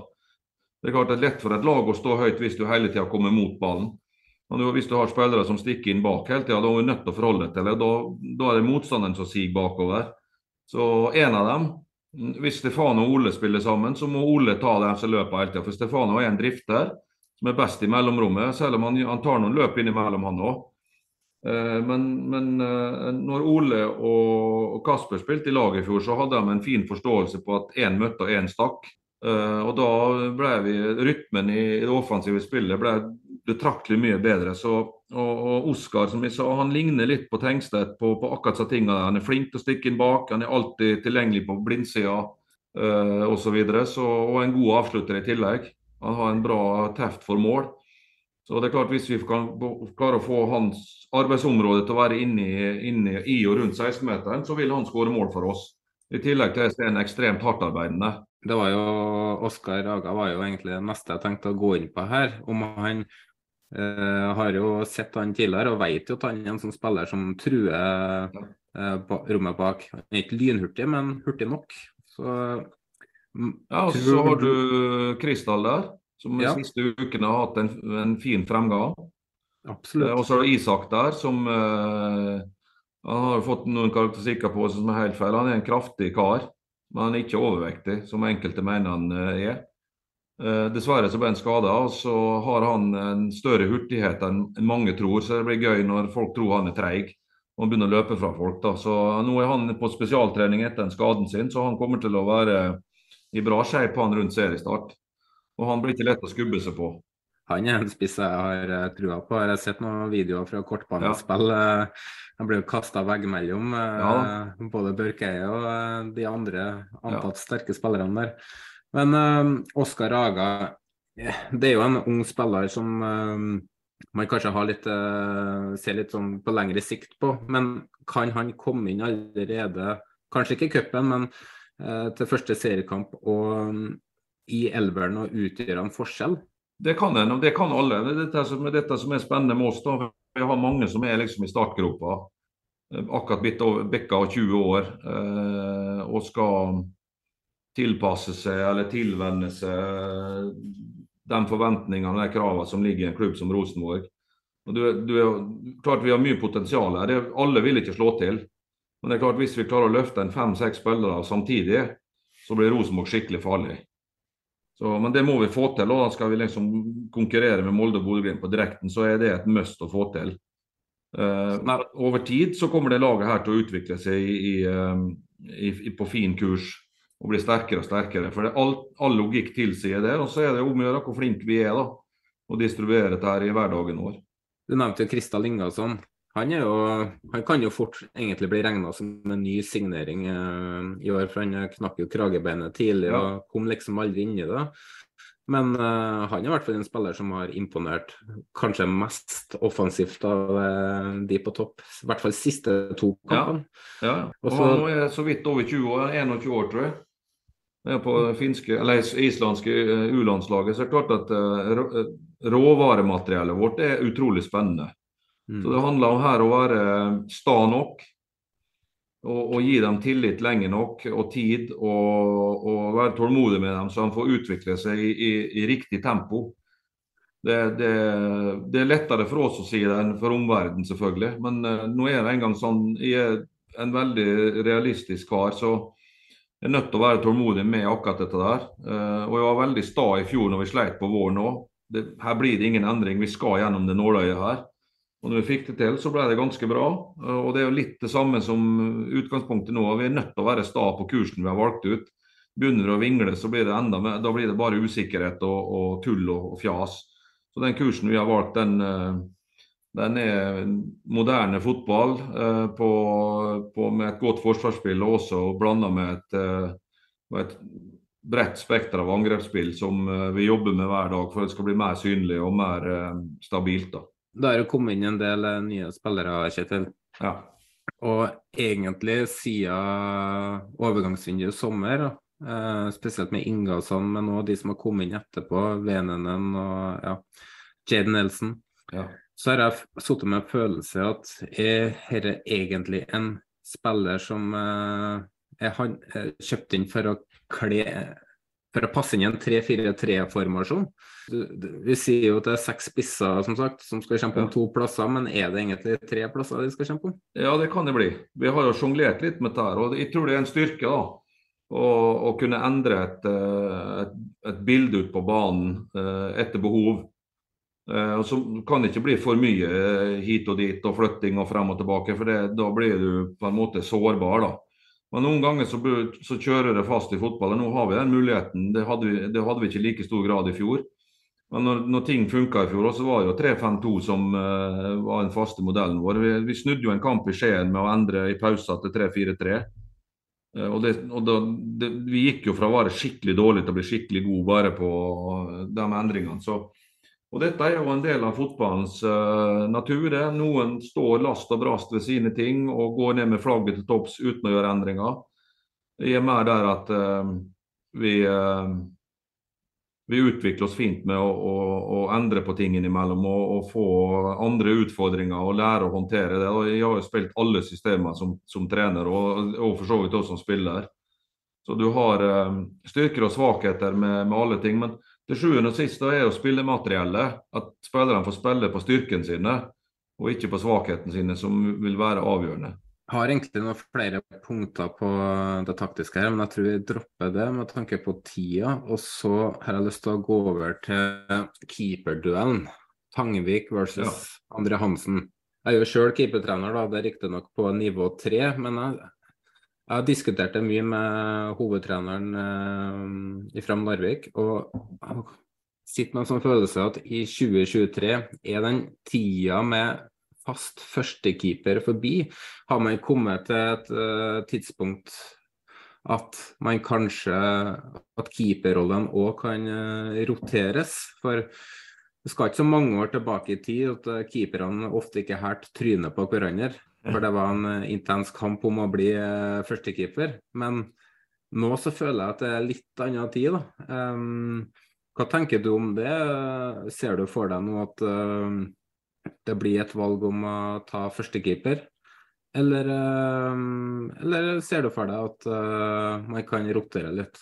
Sander da, er en veldig spennende keeper. Og det, og det blir litt som jeg har sagt gjennom det programmet at skal han utvikle seg, er han nødt til å spille kamper. Ellers så må du låne han ut, så han står fast for et annet lag. Nå er det sånn at Vi har valgt å beholde den her, så det betyr at det forplikter at Sander må få spilt uh, x antall kamper i, i, løpet av sesongen. Ja, at han kan bli førstekeeper, den muligheten er der. De konkurrerer på lik linje, de to der. Uh, men jeg, jeg, jeg, tror ingen av dem står 50 kamper, for å si det sånn, da. Hvis vi havner der. Så uh, og André er en meget god keeper fortsatt. Han har massevis av erfaring og har vært med veldig lenge. Og, og Sander lærer av André daglig. Men på et eller annet tidspunkt da, så er vi nødt til å slippe løs eh, Sander oppi her. Hvis han sitter på benken en sesong til og spiller kun tredjevisjon, så har vi bomma med han. Så han må, han må, i aksjon. Og så er det selvfølgelig også viktig at han presterer. Er Hvis han kaster ballen i morgen når han får spille, så kan han jo ikke bruke den, men det har ingen andre gjort heller. Det, jeg tror ikke at han, eh, at han, han mislykkes når han får sjansen heller. Jeg tror han eh, allerede i år kan vise at han, han klarer å, å, hevde seg godt i Eliteserien. Treningskampene som han har spilt nå, tyder jo på det. Han har, som, han eh, har jo noe som man ikke ser i så mange andre keepere på samme alder. Da. Og Det er jo mental styrke, ja. som mot sta, Stabæk, Sandefjord. Det ble i hvert fall pumpa en del innlegg i boksen som ung keeper er det jo lett å stå på streken og satse på det trygge, men han, eh, han gikk for det, og han eh, så til å ha en eh, gode ferdigheter der òg. Så i hvert fall en keeper som fansen har en, eller supporterne har stor tiltro til. det. Som, ja, det har vi òg. Mm. Utgangspunktet vårt er å prøve å gjøre Sander til å bli Rosenborgs nummer én på et eller annet tidspunkt. Og når det skjer, eh, det, det er jo avhengig av prestasjonene hans, selvfølgelig. Og så er det jo avhengig av mange andre omstendigheter. For så for han, eh, vi, vi, altså Parkere André er jo ikke noe tema. André er en, fortsatt en meget god keeper. så vi er jo i et, eh, kan du si, an, Og han er i andre enden av karrieren sin. Selv om han kan stå i mål i mange år enda, så har han færre år igjen enn en Sander har. da. Så vi, vi, må jo holde begge to uh, på et høyest mulig nivå, selvfølgelig. For det, som jeg sa, hvis vi lykkes i år, så spiller vi fort opp mot 50 kamper. Og da trenger du uh, flere som bidrar, og ikke bare 11 mann. Jeg tenkte å gå litt videre inn på overganger generelt. Du trenger ikke å name-droppe noe her. Men uh, vi har fått et Twitter-spørsmål fra Morten Skare Sørensen. Uh, om du kan si noe om overgangsfilosofi, f.eks. hvordan dere gikk fram når dere fant Tengstedt, hvilke egenskaper så dere etter da, og eventuelt hva har de sett etter for å fylle tomrommet etter han? Jeg har lyst til å dra den litt videre og ta en overgang generelt. da. Uh, kan du forklare hvordan en for folk som ikke har så god innblikk, hvordan en overgang blir gjennomført? Ja, Først er jo å, trenbar. At det er en spiller som er trenbar og kan utvikle seg. Eh, og så er det selvfølgelig ferdigheter reduserer etter. Hvilke ferdigheter har du? Personlighet på spilleren. Hvordan finner dere de ferdighetene? Er det, la oss en plass at dere har gått inn i et uh, samarbeid med et uh, scouting-selskap med jeg husker altså, ikke navnet, men Vi lever jo i en verden der agenter tilbyr spillere konstant. Så vi har ganske, et ganske stort arkiv. Og så er det jo sånn at når du går inn i et vindu, så er det ikke ett navn som står på en lista der som kan være potensielle spillere for oss. Uh, og, det, og, noen forsvinner ut av lista for å bli kjøpt av andre, eller at vi ikke kan matche krav som ligger Vi, vi, så på to spisser i vinter som vi likte veldig godt. Priskassen var 3-4 millioner euro. Og det, og det, kan ikke vi eh, per dags dato være med på. Kanskje en gang i fremtida eh, så, så blir vi tvunget inn i det, men nå så var det helt umulig. Og Da måtte vi gå litt uh, lenger ned. Men du ser jo på samme, samme ferdighetene som, som, skal passe inn hos oss. da. Først og fremst trenbar, ung alder som det gjør at du kan utvikle så at verdien på spilleren eh, og laget vårt øker. For det er jo et av temaene som er et must for oss. Vi må bygge oss opp igjen både på sport og økonomi. Eh, og da gjør du jo det hvis du henter spillere med et utviklingspotensial som kan ta steg. Og det var jo viktig med Vi begynte jo tidlig på Kasper. Vi ville jo hente den før sesongen. Men da nekta Horsens, for de kjempa om opprykk. Og det, det pågikk jo øh, gjennom våren. Så fikk han vel en skade, så han spilte veldig lite i, i slutten av sesongen. Jeg tror en hamstringsskade. Og så kom han i gang, og vi drev jo på for å prøve å få dette i orden. Og så kom jo seriestarten i Danmark, for det var jo før norske vinduer åpna. Og da gjorde han en, par gode kamper. Da ble vi jo redde for at her Og det begynte jo da andre å, å å bli interessert i. Men vi har gjort et ganske godt forarbeid. Vi har hatt et videomøte med han og forklart ham hvordan vi spiller. Vi, hvordan vi så på han som spiller. Så han, han, uh, han ville til oss, da. Og jeg har fortalt en historie mange ganger. Vet, en, en, en B-kamp vi sto på, på Salmar der på en mandag. Og diskuterte med, med Tore og Tore Berdal og Roar Vikvang på at hvis ikke vi kaster på de siste kronene nå i løpet av kvelden, så kommer vi til å miste den. Og da gjorde vi det, og da løste det seg. Så det var ekstremt viktig eh, nå, nå sånn sett i ettertid, både sportslig og økonomisk, at vi fikk de siste detaljene på plass på kvelden der. Og Da begynte det å bli mange flere som uh, ville ha noe. Da kunne vi blitt utkonkurrert, da, teoretisk sett, men heldigvis så kom han jo til oss. Og Det er jo så, det er jo sånn vi gjør. Vi gjør en ganske eh, omfattende og grundig jobb når når du scouter spillere. Vi, vi, sjekker veldig mye rundt og ser dem ganske mange ganger. Og så er det viktig at, eh, at de har vært på lista vår en stund, så har fulgt dem over litt lengre tid. At det ikke blir sånn at du får en telefon i dag og i morgen så går du og kjøper en spiller uten å som gjorde et grundig arbeid. Da. For det, det koster fælt å bomme. Når dere har funnet den spilleren, ja. så må dere tenke at han her er vi interessert i. Ja. Hvordan går man fram da? Tar man, går man rett på klubb, eller eh, sjekker man med agenten om er det noe vits å gå videre her? Er det en mulighet? Ja, du, du, må jo gå eh, kjøkkenveien, som jeg sagt. Altså, du, klart, agentene har jo sin interesse og spiller nå. så det, det, første og det viktigste er jo at du identifiserer en spiller du vil ha. Og så er det å få spilleren med på at han vil til oss. Og Da er jo agentene en viktig eh, brikke oppi dette her.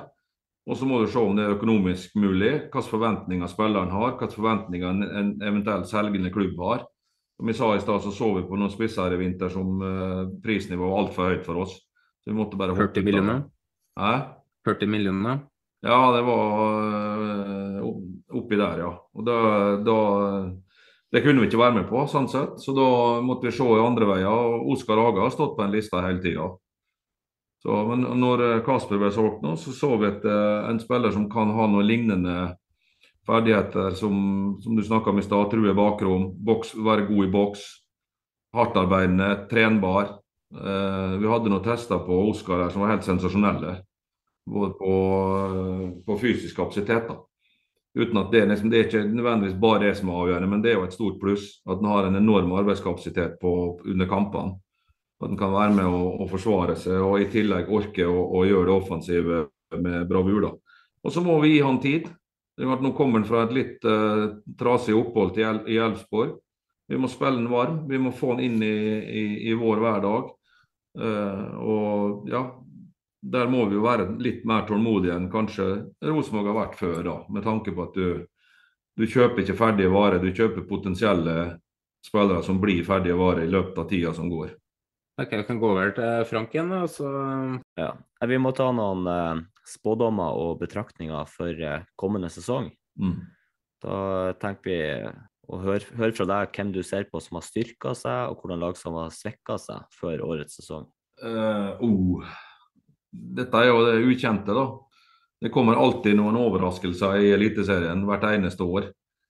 Uh, i fjor så var, hvis du tar i fjor så var jo Viking med i toppen i starten. Det var vel ingen som forventa. Uh, eh, så datt de jo langt ned på tabellen. Og så hadde du Vålerenga som hadde en katastrofal start. Og så jobba de seg opp, da, opp i medaljekampen før de avslutta dårlig.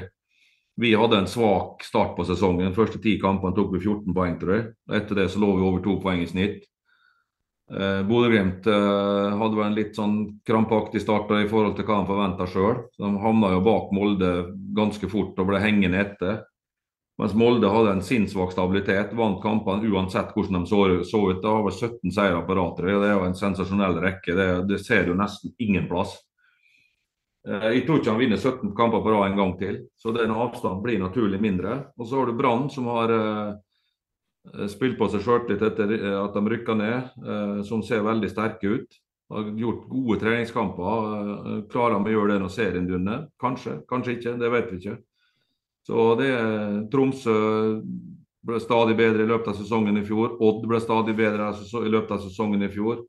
Tromsø er nok kanskje litt svekka, må, må, bygge sammen igjen litt av fronten sin. Lasse Nordås er tilbake i Bodø-Glimt, Mikkelsen er borte, Kitolano er borte. Klarer de det, så er de kanskje like sterke som i fjor. Klarer de ikke, så vil de sikkert sige litt nedover. Vi har eh, mista mye offensiv slagkraft etter sesongen. Klarer vi å fange opp det på en skikkelig måte med å, være sterkere i andre områder, så at uh, mens den utviklinga pågår Bodø-Glimt har masse spillere å velge i.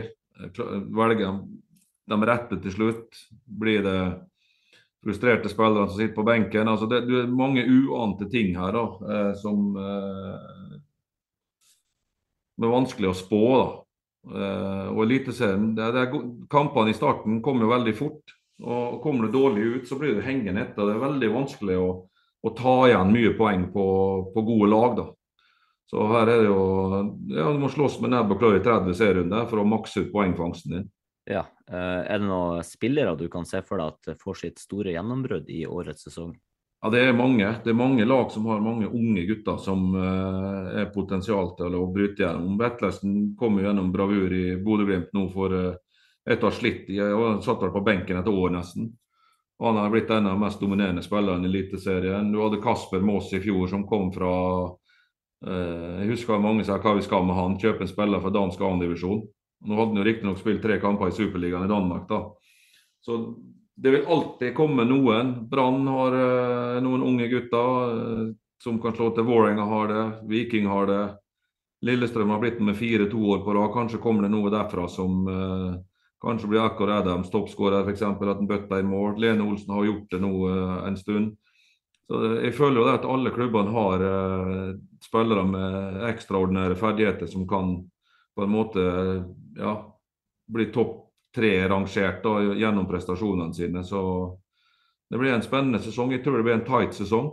Er, når du setter ned og ser på terminlista og hvis du tar deg til eget lag, da, altså bortekamp i Tromsø, bortekamp i Bodø, bortekamp i Stavanger, bortekamp i Molde, bortekamp i, på Intility på Åråsen, i Sarpsborg, i Drammen.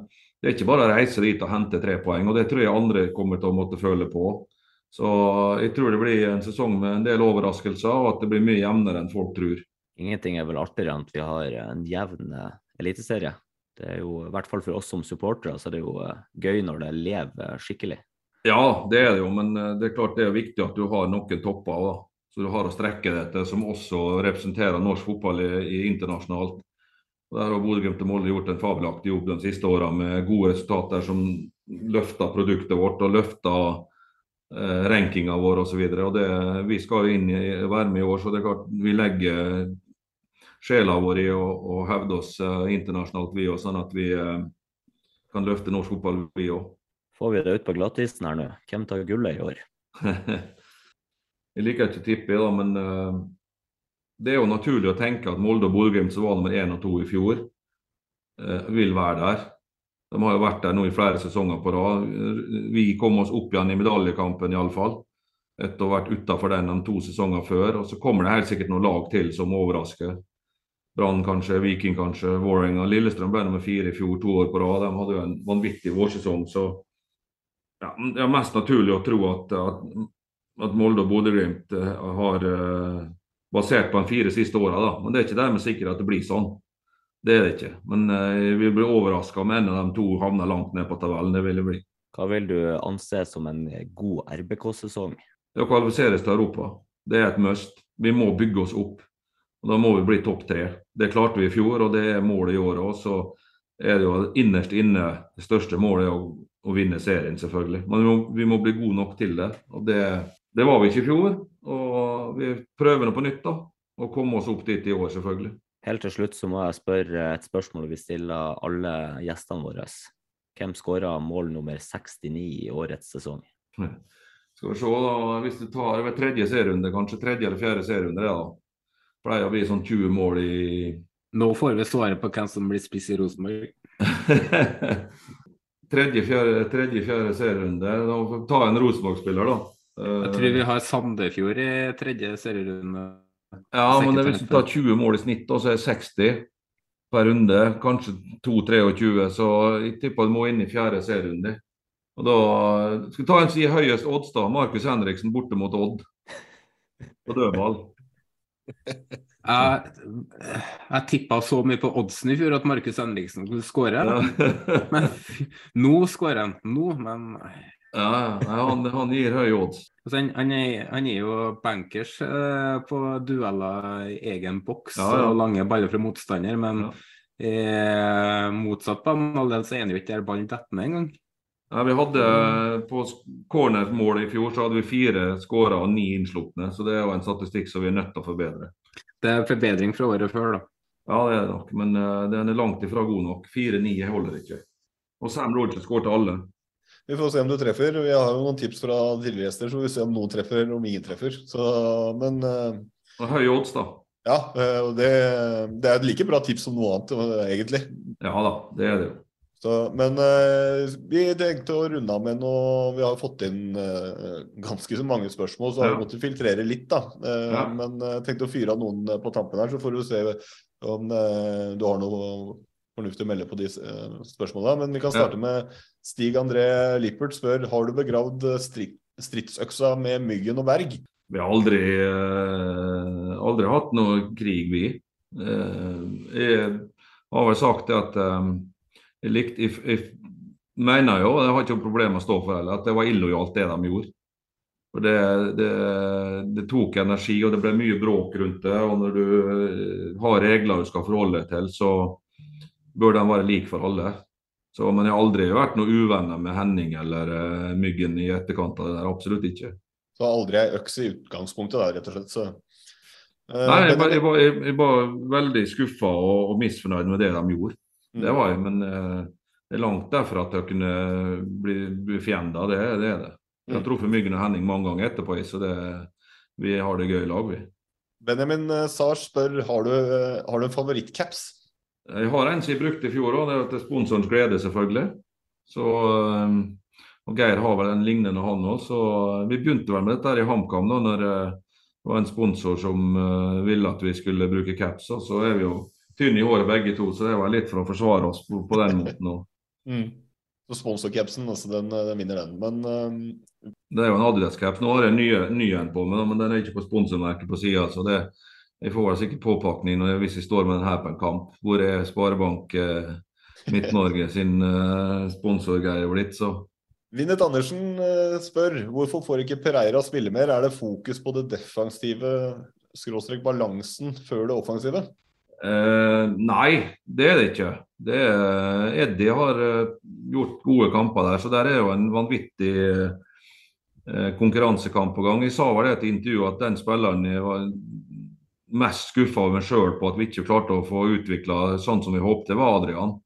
Men er jo, det er jo en felles uh, oppgave der, å prøve å få han til å uh, Uten at du tar bort styrken hans, til å klare å, å, få dem til å faktisk å bli enda bedre, men samtidig så får han til å bli mer uh, stabil. da.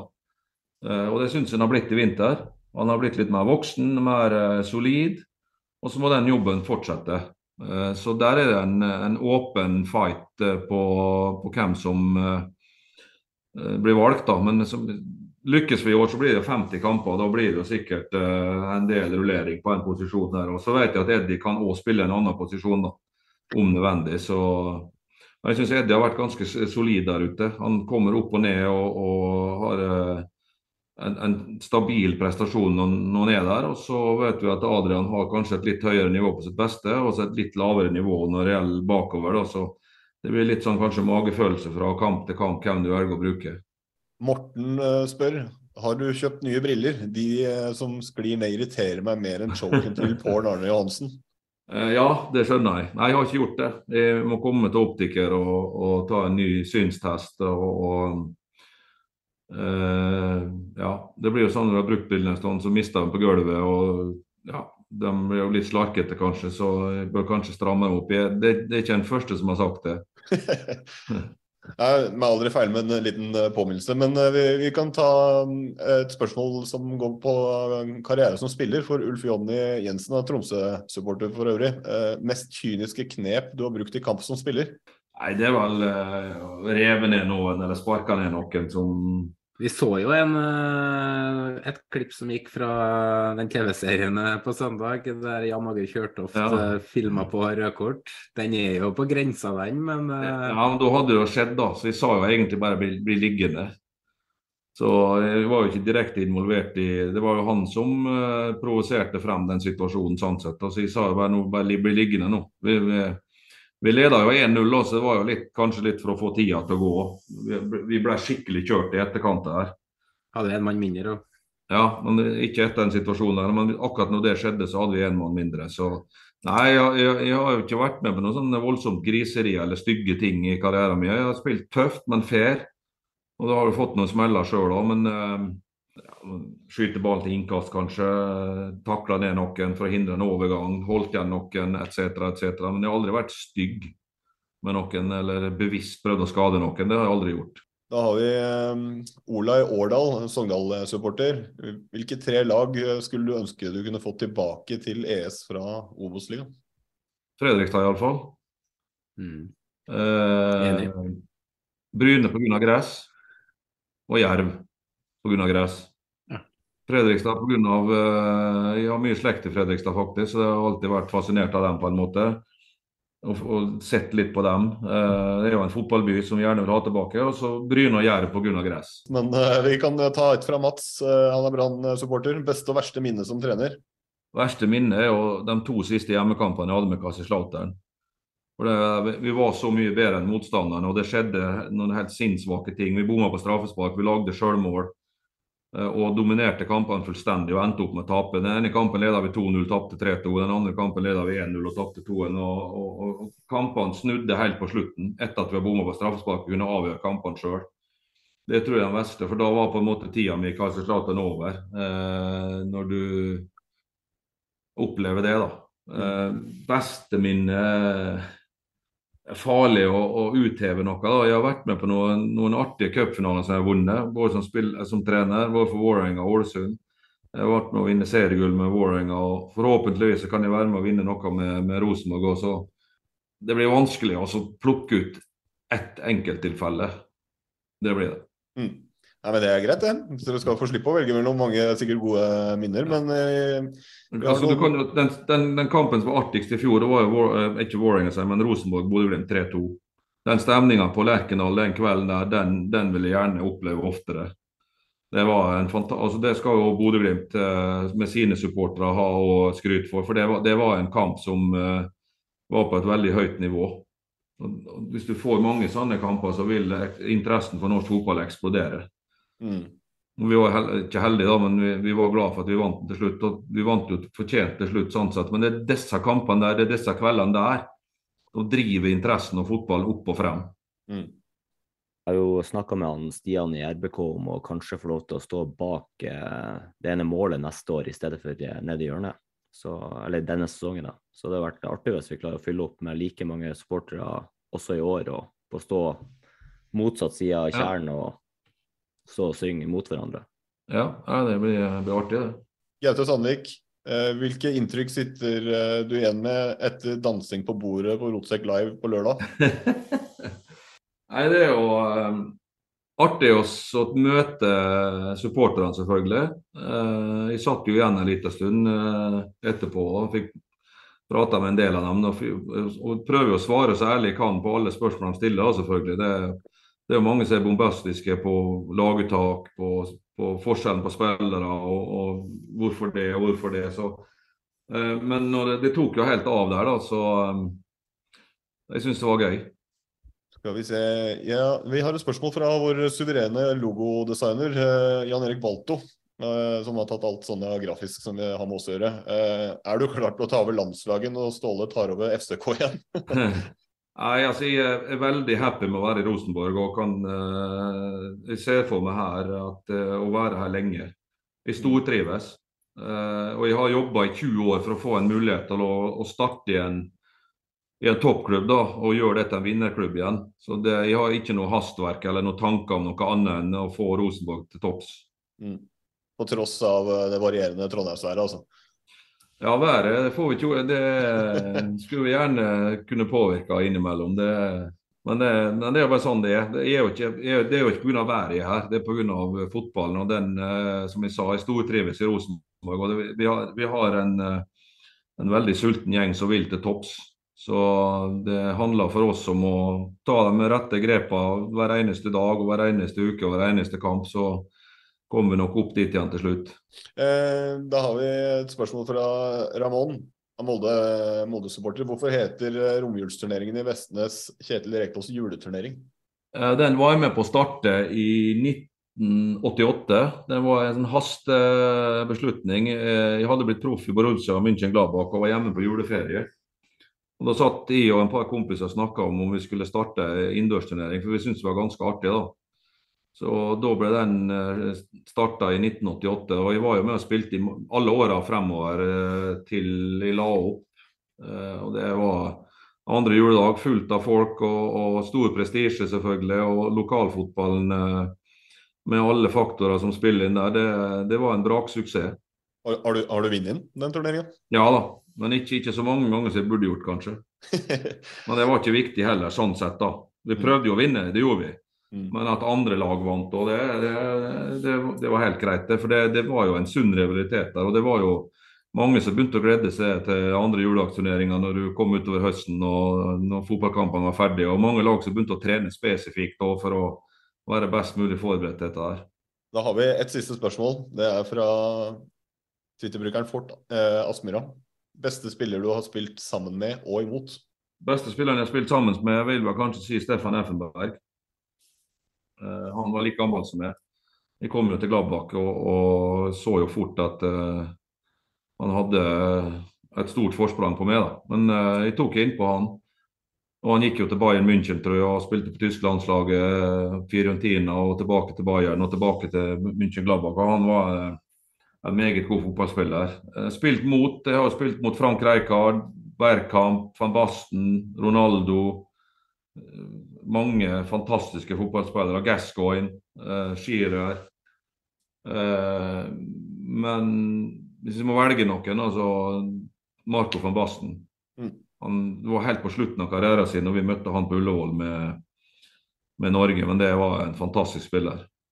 Ja, det, er ikke, det, er ikke, dårlig å kunne sette dem som til de beste spillet man har spilt mot. Det er en ja. solid den. Men uh, det var siste spørsmål. Ja. Det var veldig mange andre spørsmål vi eh, fikk inn, og vi skulle gjerne ha stilt Uh, mange, mange svarte du på også underveis, så det, da slapp vi å, å ta alle. Men uh, selvfølgelig tusen takk til alle som sender inn spørsmål. Vi prøver å få med så mange som mulig hver gang, men det er noe med, det, noe med tida også. Så da ble det siste. Men da har vi fått en del svar på, på de tinga. Men Jeg, jeg har et siste et. Jonas har alltid Ja. et siste et. Alltid siste et. Ja. Jeg sparte bevisst. Ole Selnes, får vi se han i RBK i 2023? Det skal aldri si aldri i fotball. da. Det er jo Første så må jo han ville hjem.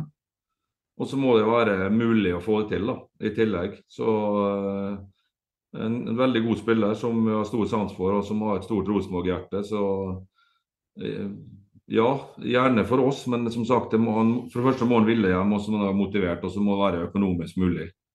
Jeg tror det er det beste svaret jeg kan gi. Nei, men da var det ikke flere spørsmål, eller eh, Jonas?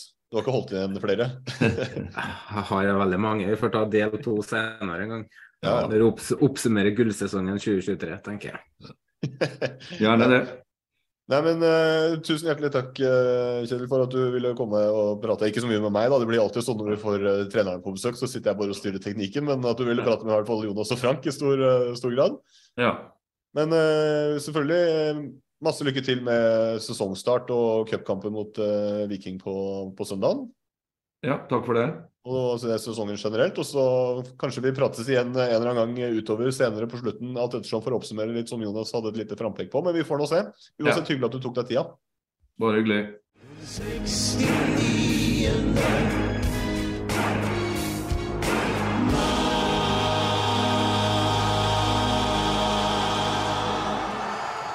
har eh, Kjetil Rekdal left the building. Eh, Jonas sitter eh, og gråter og flirer litt om hverandre. For han har hatt time of his life på alle mulige måter. Og Frank har frykt i øynene, for han veit hva som kommer. Ja, Frank har jo strengt tatt bare sittet og smilt og kosa seg hele veien. Han virker stødig. Han har tro på eget lag, vet du, Jonas. Ja, det blir jo å stå mellom Glimt og Molde. Det blir jo å stå mellom Glimt og Molde. Kjetil sa det jo sjøl. Han sier jo sikkert det for å dempe forventningene. Han er rutinert, vet du. Han er rutinert. Nei, men vi uh, fikk nok en fagprat. Uh, vi um, gleder oss uh, selvfølgelig til å se om han treffer på 69-spådommen, hvem som skårer det 69. målet eller ikke. Markus Henriksen, den er solid. Men uansett så ble det nok en fagprat, og det er jo en bonusepisode, så vi skal ikke dra det ut for lenge, men vi tenkte vi må ta litt om hva som skjer neste gang, for da er vi tilbake til supporter-episoden, ordinær episode. Litt fjas, litt eh, fokus på laget vi ikke har kanskje prata så mye om. Se om det er noe preseason vi må ta. Kanskje har jeg noe på hjertet, osv. Kanskje skal vi si hvem som kommer neste episode? Det var det, vet du. Så neste episode får vi besøk av Jonas. Da får vi besøk av en uh, godset-supporter. Det er av eh, godeste eh, Kim Rolund. Han er vel godt kjent i uh, godsemiljøet. I Drammen, ja. Så um, han får jo oppleve cup i Drammen nå på uh, søndag. Fordi da skal Sandefjord spille hjemmekamp mot Odd i Mjøndalen. Ja. Så ja, nei, det blir, det blir litt artig å få litt innblikk i, eh, i Strømsgodset. Eh, hvor det har skjedd veldig mye nytt i løpet av eh, preseason. Ikke kom her og si at ikke cupen eh, berører hele Norge, selv når det har kommet ut i de senere runder, altså. Jo da, det gjør jo det. Ja.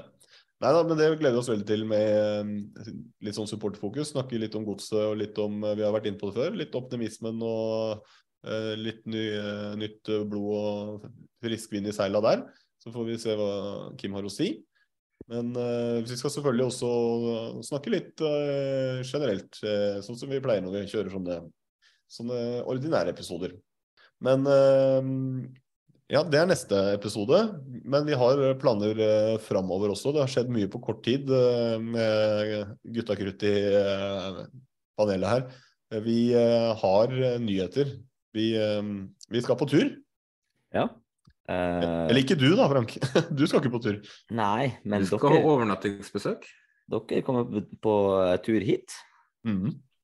Ja. For fredagen eh, Nå er det jo uh, Bodø-Glimt mot Rosenborg eh, lørdag 13. mai. Mm. Så fred, fredag, bli forventes å bli et sånt bunnoppgjør, har jeg skjønt. Ja. Så Mm. fredagen i forkant så har vi en uh, avtale med Bådin bryggeri om eh, livepod og uh, god stemning inne på bryggeriet der. Build-up, rett og slett, i matchen. Og satser på å få inn uh, gode gjester som kanskje har, eh, er relevant for både Bodø-Glimt og Rosenborg. Det blir, eh, det blir full overtenning, i hvert fall. Det kan jeg si med en gang. Frank på Er- hjemmebane er- og Jonas på bortebane. Og så- Også i Bodø, altså det beste stedet jeg kunne holdt livepod, det tror jeg er Molde. Men Bodø er på en god nummer to. Jeg gleder meg til å gå ut på scenen og få kasta tomater etter meg og bare buing. Du trenger ikke å se- være redd for å få kasta tomater fra de som så, publikum. For jeg skal kan kaste tomater de som sitter på scenen nå. Har dere ikke fått med dere hva vi gjør når vi er i Europa? Vi hiver jo ikke tomater, vi hiver jo øl. Det er øldusjing. Ja, men det er greit. Ja, det er bare respektløst. Man søler aldri øl med vilje. Det, er, det må vi slutte med. Må slutte med. Men, eh, nei, men eh, vi kjører liveshow. Rett og slett. Eh, Så får vi se hvordan det går. Det går sikkert helt middels, men vi skal gjøre vårt beste. Eller noe sånt.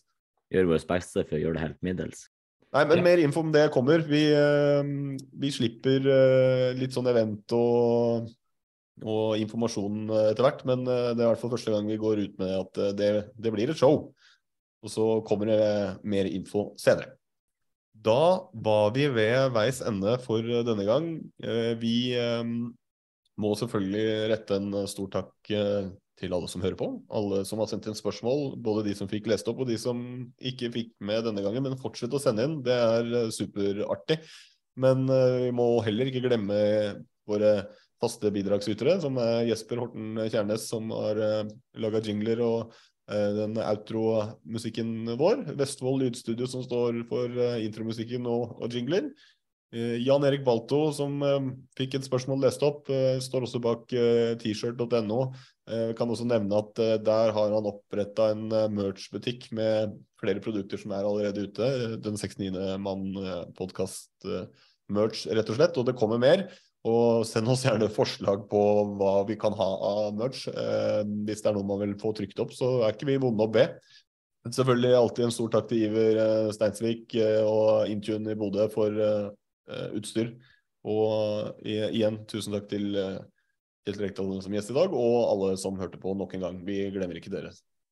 Kan jeg nevne noe med Iver i samme slengen? For eh, vi har jo fått spørsmål fra flere andre som eh, skal starte opp podkast. Ta gjerne kontakt med oss eh, og spør, så setter vi dere i kontakt med Iver. Så ordner han resten for dere. Ja.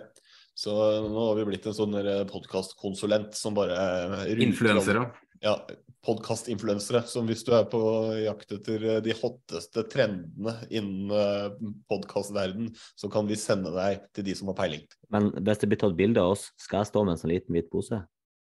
Nei, Frank. Ja, helst.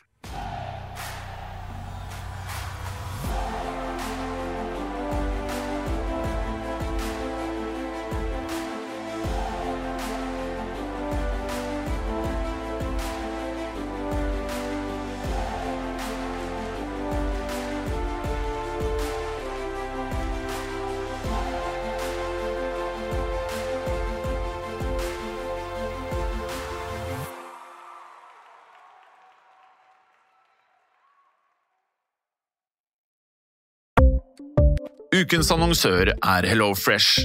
HelloFresh er verdens ledende matkasseleverandør og kan være redningen i en travel hverdag. Mange av oss har nok vandret i butikken både sultne og uten en plan for middagen, som ender med at vi går for de samme kjedelige rettene gang på gang. Middag burde være dagens høydepunkt. Som HelloFresh kan du nå velge mellom 25 ulike retter hver eneste uke, eller få HelloFresh til å sette sammen menyen for deg. Dette gir deg muligheten til å prøve nye og spennende retter alene eller sammen med familien. Du velger antall porsjoner og får alt levert på døren på et tidspunkt som passer for deg. Oppskriftene er enkle, og maten er lett å lage både for store og for små. Ved å få alt levert hjem får du også mer tid til å dele matgleden med familie og venner. Kanskje det frister med asiatiske tacos eller greskinspirert kylling? Da kan jeg anbefale deg om å gå inn på hellofresh.no. Her kan du bruke koden FOTBALL og få opptil 1779 kroner i rabatt på de første fem matkastene hvis du ikke har prøvd Hello Fresh tidligere. Du kan også bruke rabatten hvis du har vært kunde og stoppet abonnementet ditt for tolv måneder siden eller lengre. Gå inn på hellofresh.no og bruk koden FOTBALL. Ukens annonsør er Folio, en smartere banktjeneste for deg som har en egen bedrift eller ønsker å starte for deg selv. Folio er en superenkel nettbank for bedrifter. Som kunde i Folio får du en bedriftskonto med et bedriftskort og app.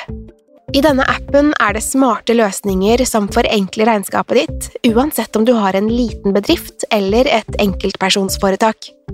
Folio er både intuitivt og brukervennlig, og er laget med et enkelt språk.